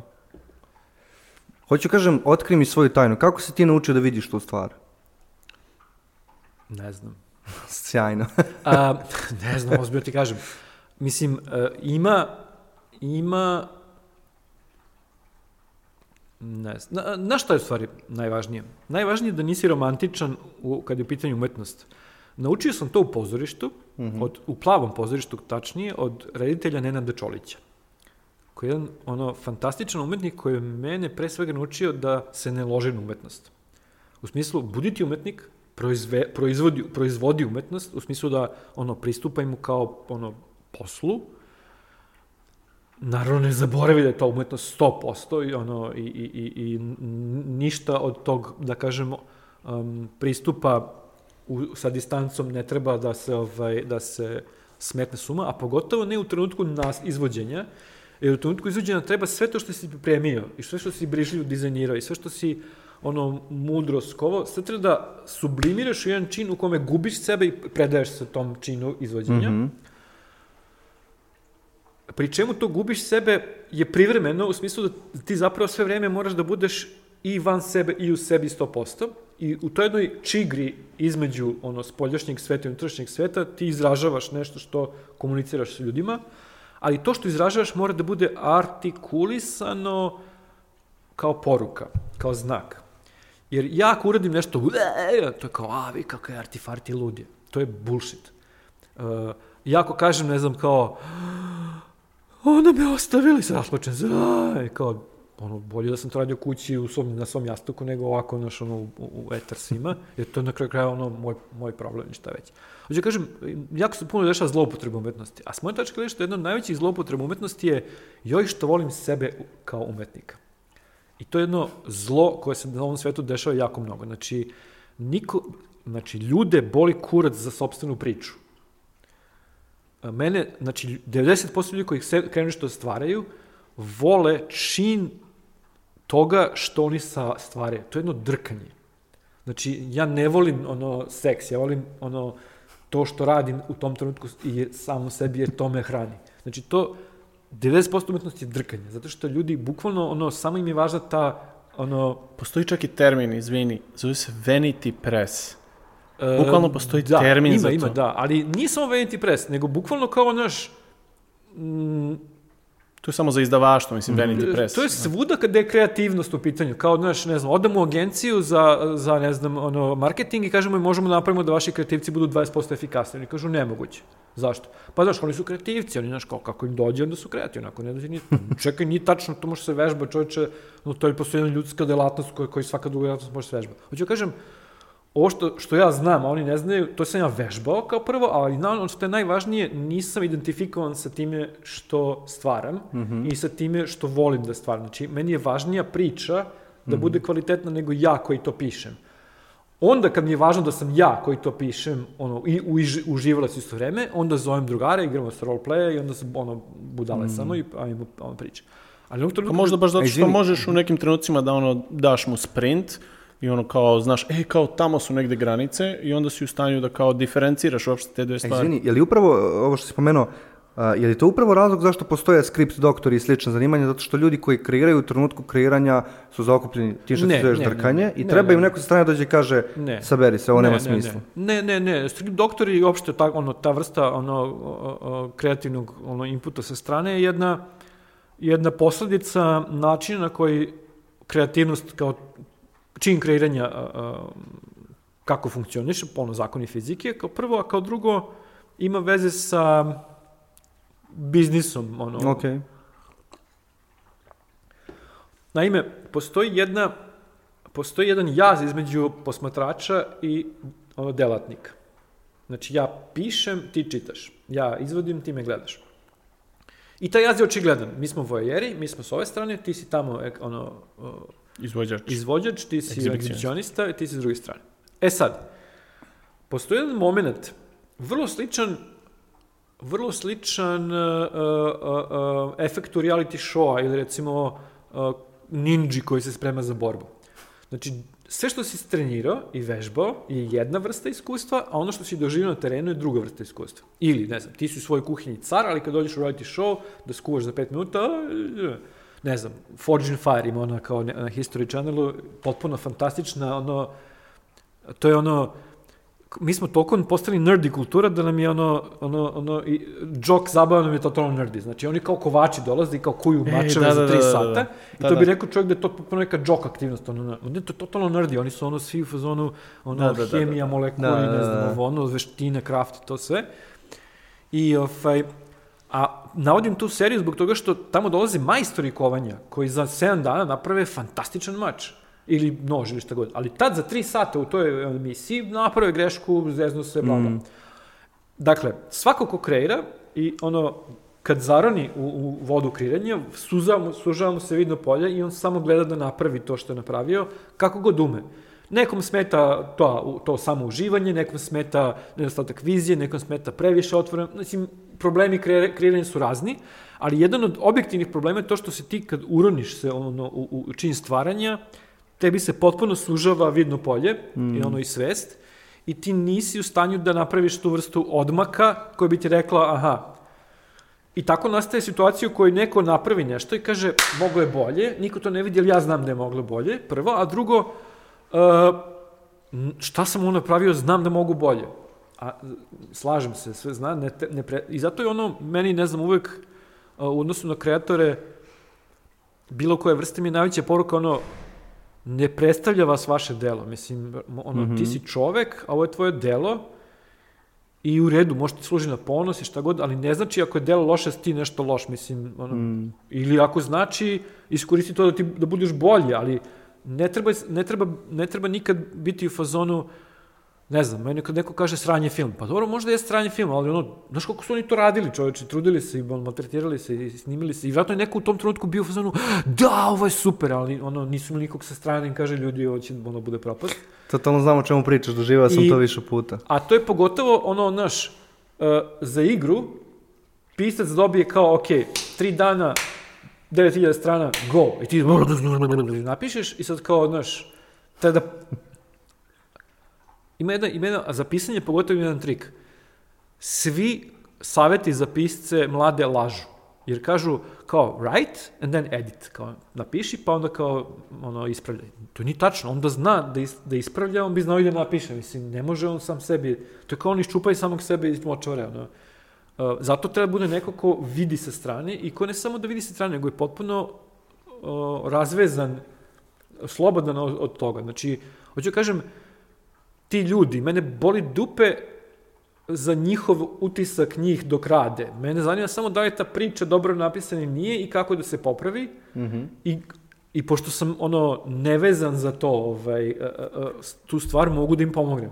Naravno, pod uslovom da sam ja takođe nevezan za sebe koji mnogo voli što je mnogo pametan da im to kaže. Jer to isto naravno znam. Kao ću kažem, uvek kad god nešto radiš ima taj drag ono iza sebe koji ono ne vidiš taj talas, mm. koji, ono sranje koji napraviš i zato je važno da ima neko ko će da kaže ok, ovde ne valja, ovde ono valja. Ti si rekao jednu zanimljivu stvar koju može da kaže samo neko ko se bavi pričanjem priča i pričama dugo. A, a nisam prvi put to od tebe, ali si to, ti to baš lepo rekao u tom jednom podcastu koji sam slušao. Rekao si, a, nije bitno šta je priča, da li je igra, da li je roman, nije bitno šta je priča. A, baš ću sad da pročitam, da ne bih pokvario. Znači, dobar pripovedač u stvari razume šta znači kodiranje percepcije publike. To je veoma opšti koncept na kojem počiva svo pripovedanje. Šta to što znači? Je li to ima veze sa ovim što ti razumeš, oni ne razumeju, s tim principima koje ti primenjuješ, s tim koliko hladno možda sagledaš bilo koju priču? Aha, kad te citiraju, a, šta Da. ćeš sad? Možda sam ja ovo izmislio, ja nisam najprecizniji a, istraživač. Ne, tačan je citat, a takođe dolazi iz mog pozoriš, pozorišnog iskustva u smislu da um, ljudi mnogo vole da je umetnost mistična. Prvo pomaže im da sami u tome su mistični, drugo pomaže im da izbegnu razne vrste ono ko je koliko dobar, koliko nije dobar, ili kao, znaš, možda ti taj da nije bio dan, znaš, ono, nije jasno, inače super, nego, znaš, taj da. Kao, a drugo, uh, ljudi se raz- raz- razočaraju ako demistifikuješ umetnost. Jedan programer mi je prišao i bio fazonu, kako čoveče, kako smisliš priču? Pa rekao, kako ti napraviš kod? Pa on kaže, znam šta treba da radi i to iskodiram. Preko tako i ja.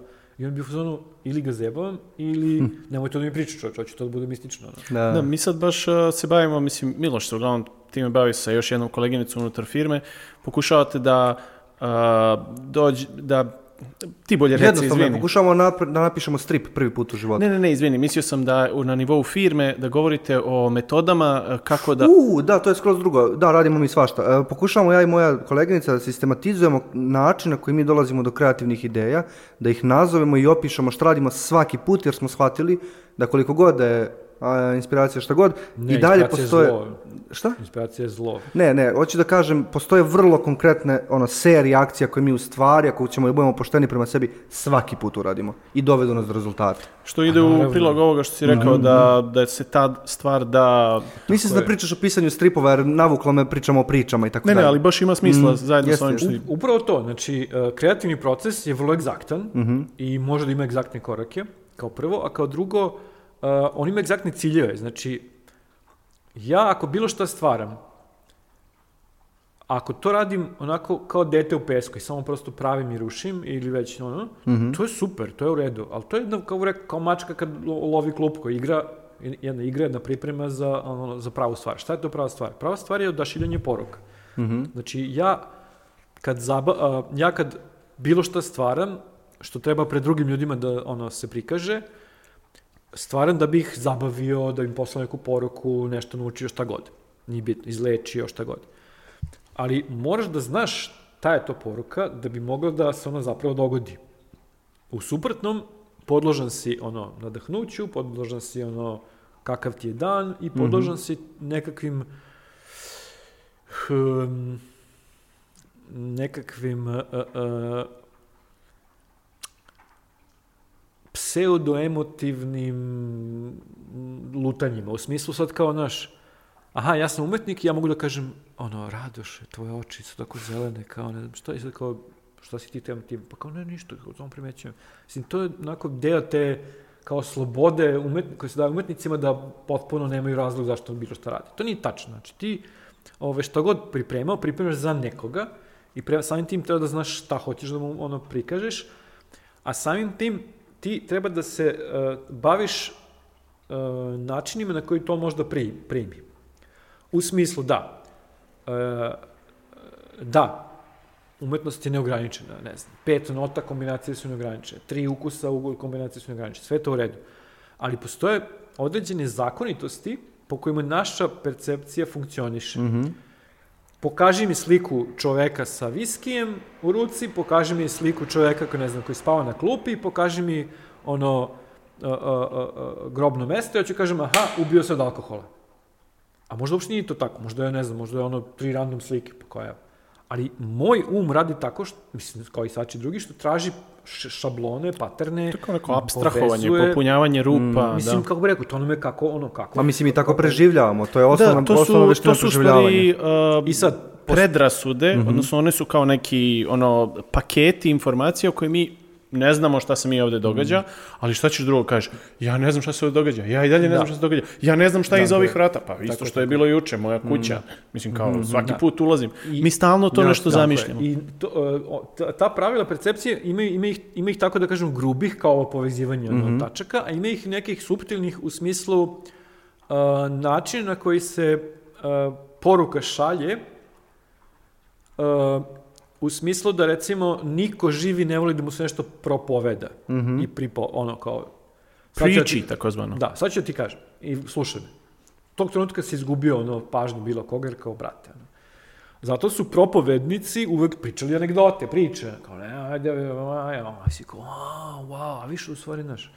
Tako da, hoću kažem, ovaj, uh, uh, tako su nastale jel, priče i tako nastala se umetnost. Izvini, molim te, setim se jednog ekstra, ekstremnog primjera, toliko mi ono kao asocijacija bila na velikim biznis konferencijama, ljudi koji dolaze da ti prodaju stvar za novac, znači tu je vrlo sve crno-belo, uvek počinju velike, to je sve keynote speeches, uvek je ista stvar.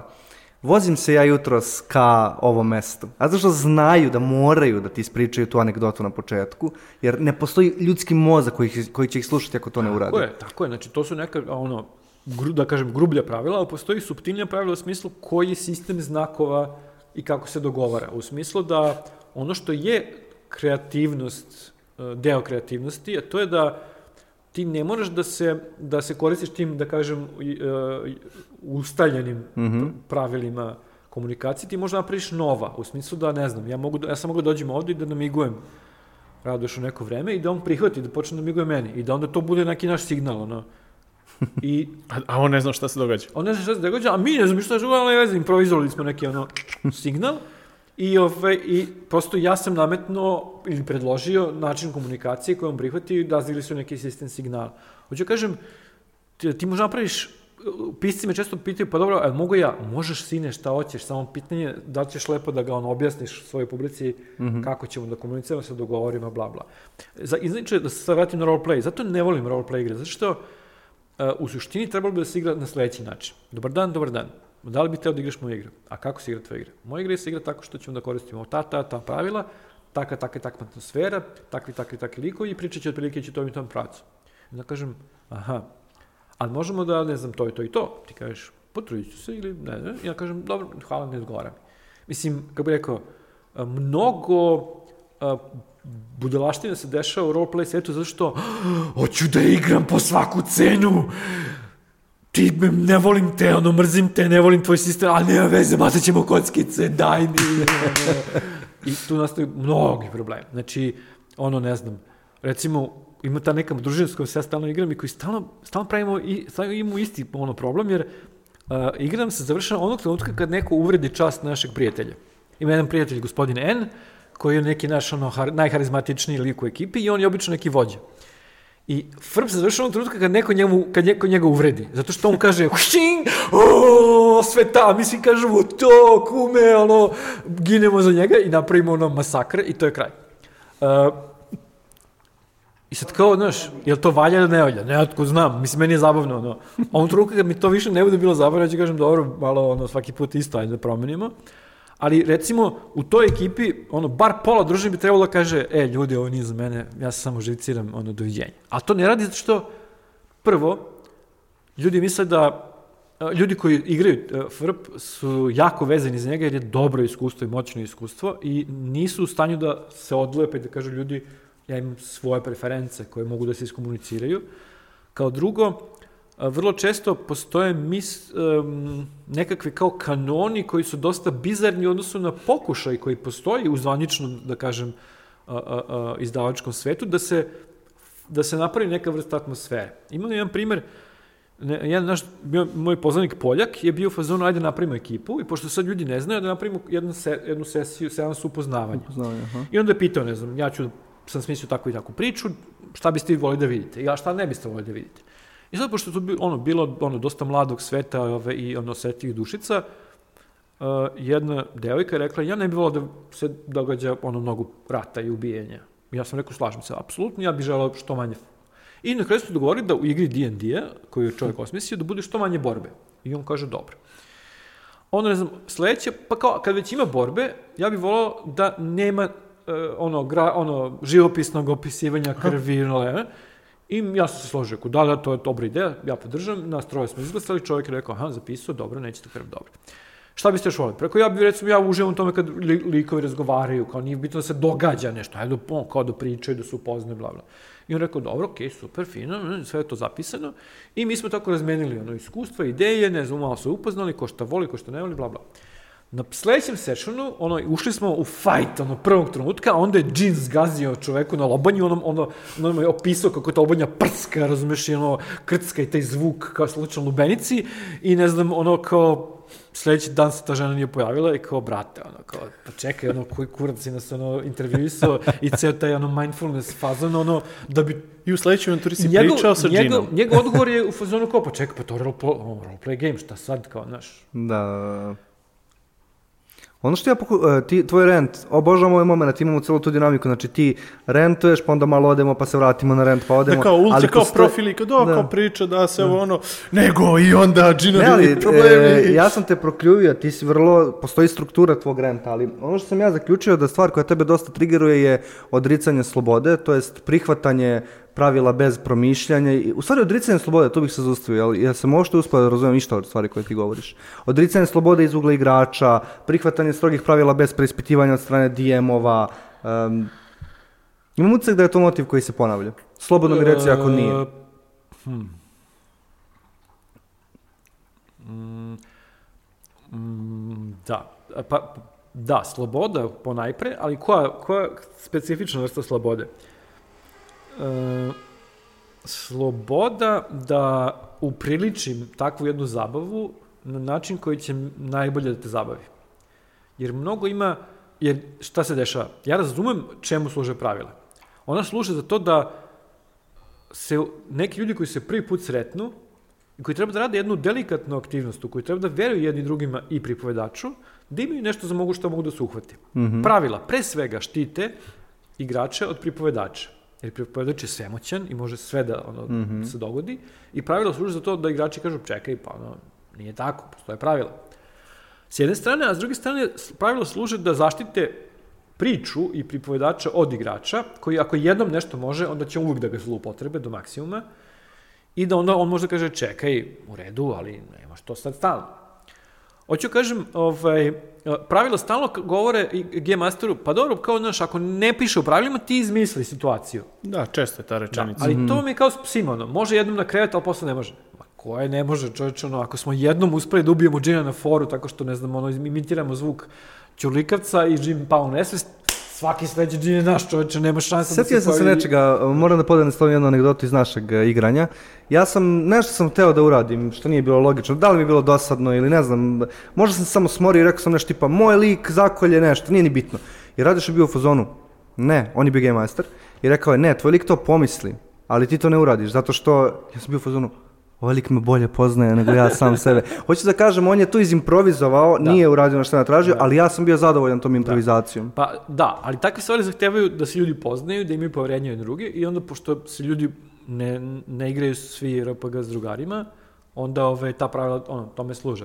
Da. Ali ja se zalažem za slobodu tih ljudi da se tako igraju. Mhm. Kao i za svoju slobodu da kažem ja to neću.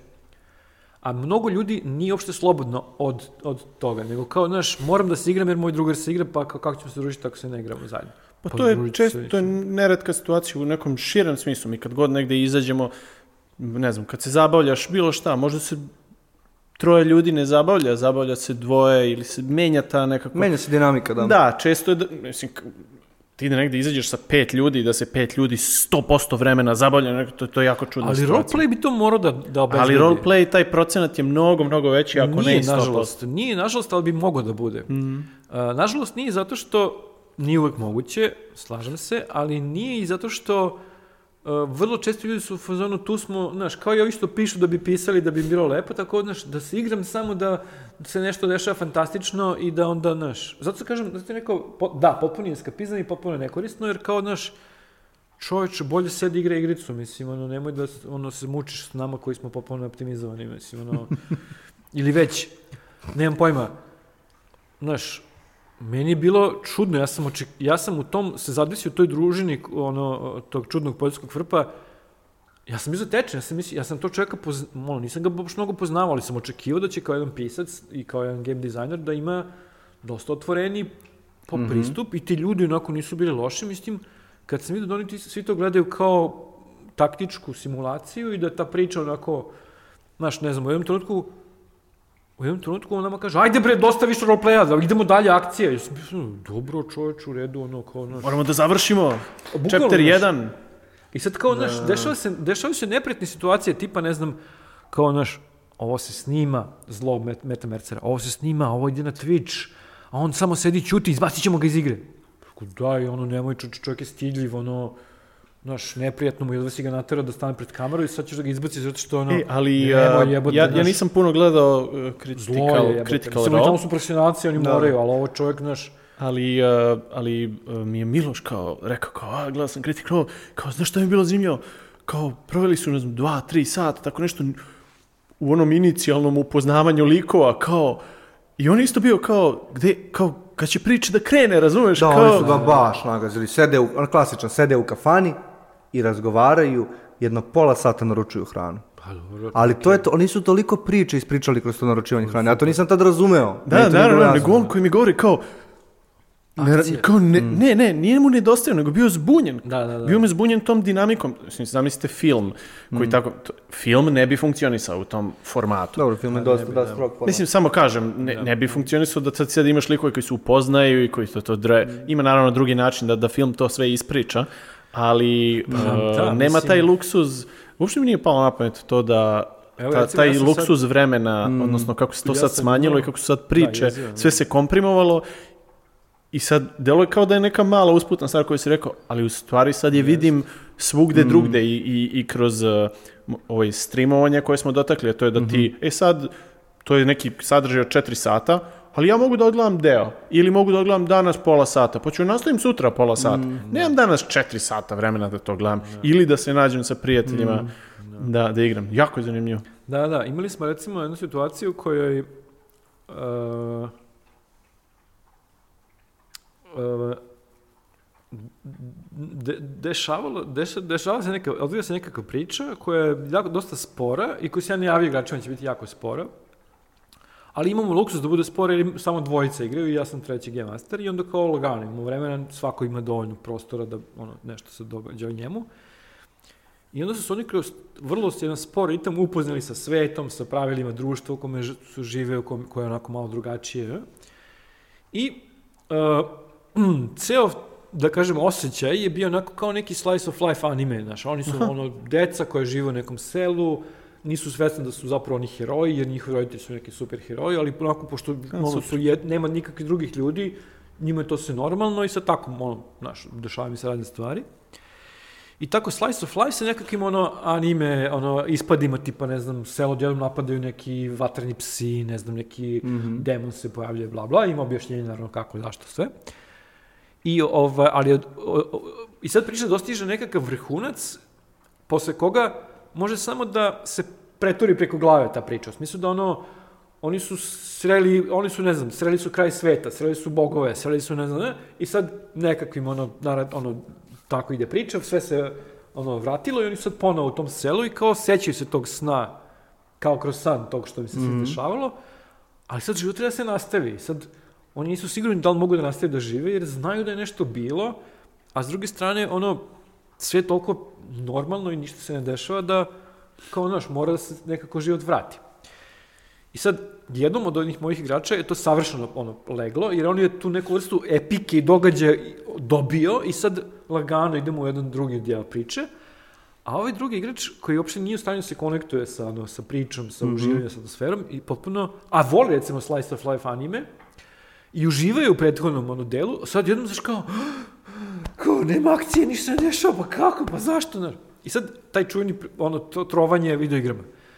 I sad njemu kažemo, okej, okay, pa ono, i dalje si u selu, i dalje si ti, znaš, pokušaj nešto. I on kaže, odem u biblioteku da nađem rešenje. Znaš, kao on odem na Wikipediju da nađem rešenje. Pa nema. Pa pitam nekog da mi kaže nešto. Pa ne znaju kao i ti što ne znaš. Pa kako ja sad da igram? Hoću kažem, znaš, naviko je da mu igra daje nekakav ono output i da on onda može da reaguje, ali sam da inicira neku akciju nema, ono, ne može. I u redu, okej. Okay. I sad što se dešava? Dešava se da dolazimo ono, u situaciju u kojoj, u, u ne znam, posle, u, ono, kao smiraj te, posle, te, te epike, uh, taj, jedan, taj mladić definitivno se, se, se dobija ono flashback, seća se svega što je, što je doživao, ali zbog toga više ne može da ostane u selu. Jer ti njegovi roditelji seljani mu kažu, vidi, ti, si, ti sad znaš nešto što mi ne znamo, vidio si to, mi to ne, a, ti ćeš biti nesretan ovde, znaš, idi ti lepo svet, napunio si ono 15 godina, pa, znaš, polako. I on se onako kreće zbunjen jer ne bi da ide, ono, voli mamu, tatu, mislim, ono, voli drugare, šta sad, znaš, a s druge strane sve će da nestane za tri godine i on jedini koji zna da će to se dogodi, u fazonu potpuno je panici. I sad, ono, pokuša da nađe neke odgovore, putuje i tako, I ovaj, pošto ceo, ono, ceo, kroz celu priču je za sam za sebe dobro da ono, slika, crta, eh, odlazi na jug, postaje svestan da je mnogo bolji borac od svih i da ono, ako naiđe u selo bandita, ne znam da će sve da ih potamani. I sad kao, zašto bi to radio, znaš? I ono, pomogne im, ne znam, nešto im, ono, kao, ajde, nemojte da napadate drugi ljude, to nije u redu, ne znam, to se tako na ovde se ne živi, ne? I uglavnom napravi neki, ono, poluuspešnu reformu ono, bandita. Banditsku ali, reformu. Ali tu skapira zapravo da koga god susrete na tom putu će vratno moći da pokosi i da to ne želi da radi. I sad, ono, kao, kao i klasičan avanturista dolazi u grad ili ima neki posao i sad oni mu gledaju, znaš, ima oklop, ima oružje i kažu mu, pa dobro, ako ćeš kao da da loviš bandu ili ne znam, da budeš pratilac s oružjem, kao ne, ne, ne, ne, kao ništa sa oružjem, on će kao Pa kao što znaš da radiš? Pa kao znam da slikam. Pa je, kao sjajno, ne znam, našem, našem knezu baš treba da se urodi portret porodičan. I on bio unamljen da napravi portret. I sad, to je ono kao drama. U čemu je drama zapravo u toj igri? Da. U, evo u čemu je. Ne, ne, ne, shvatam, shvatam, ali ono kao, imaš bukvalno raskrsnicu između toga da kao, drama je tome što on lovi zmajeve ili... treba da napravi porodični portret na kome će biti ćerka, koja je ono, ima usahlu ruku, sedi u kolicima, ne može da hoda, izobličene ono, lobanja. I ovaj, otac te, te čerke je u fazon, ono, prisutan u njenom životu, ali ga nema, jer on je knez tamo negde, znaš. Mm -hmm. I on hoće da ona bude na, na slici, a s druge strane, majka koja je tu stalno uz nju je vrlo ono distancirana i koja bi, ono, ajde kad već mora ono da bude na slici, treba ono da bude tu, i daje mu zadatak da je naslika kakva ona jeste. I na, ono, ono, kažu mu, ti si ono, slika, razumećeš, ti možeš da naslikaš našu devojčicu kakva jeste. I sad on potpuno upada u dramu, šta to znači, da li treba da napistavim kako bi oni želi da, da ona izgleda, mm -hmm. ili kako zapravo izgleda, ili sve. I počinje detektivska priča u kojoj on razgovara sa dadiljom, sa mm -hmm. devojčicom, sa mamom, sa tatom, sa domostrojiteljem, sa radnicima, pokuša da shvati šta se dešava u toj kući, otkriva tajnu ono šta se to bilo i pokuša da smisli kako najbolje to da ne predstavi u kompoziciji, jer mu je kao nekom koji je iz druge kulture, ko je potpuno drugačije vaspitan, stalo da istina se kaže i sad ono, ne, ne bi onda to što oni žele da se za, ono, da, da bude da se dogodi, nego noće da bude to onako kako, kako on to vidi, kako on misli da je tačno.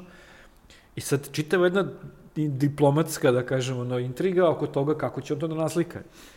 I ja sam uživao, igrač je uživao, ali ovaj mučeni optimizator je ono izgoreo potpuno u fazonu ne mogu da verujem, jebeni ceo frp, kako će da naslika neku tamo ono, jebenu invalidku, šta je ura? Mislim, brate, ono, čuče polako, ono, druga vrsta priče u pitanju. Da, ja sam iskreno uživao u ovoj priči, on bukvalno sam uzmano, i šta je onda bilo i šta je onda bilo, Da, ali da. neću to uraditi, ali čisto da znaš da je imala taj efekt na mene.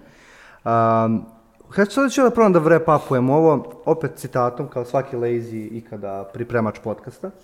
Uh, ti kažeš uh, u jednom delu da je, uh, u svom tekstu da je RPG najbrži put u središte mašte.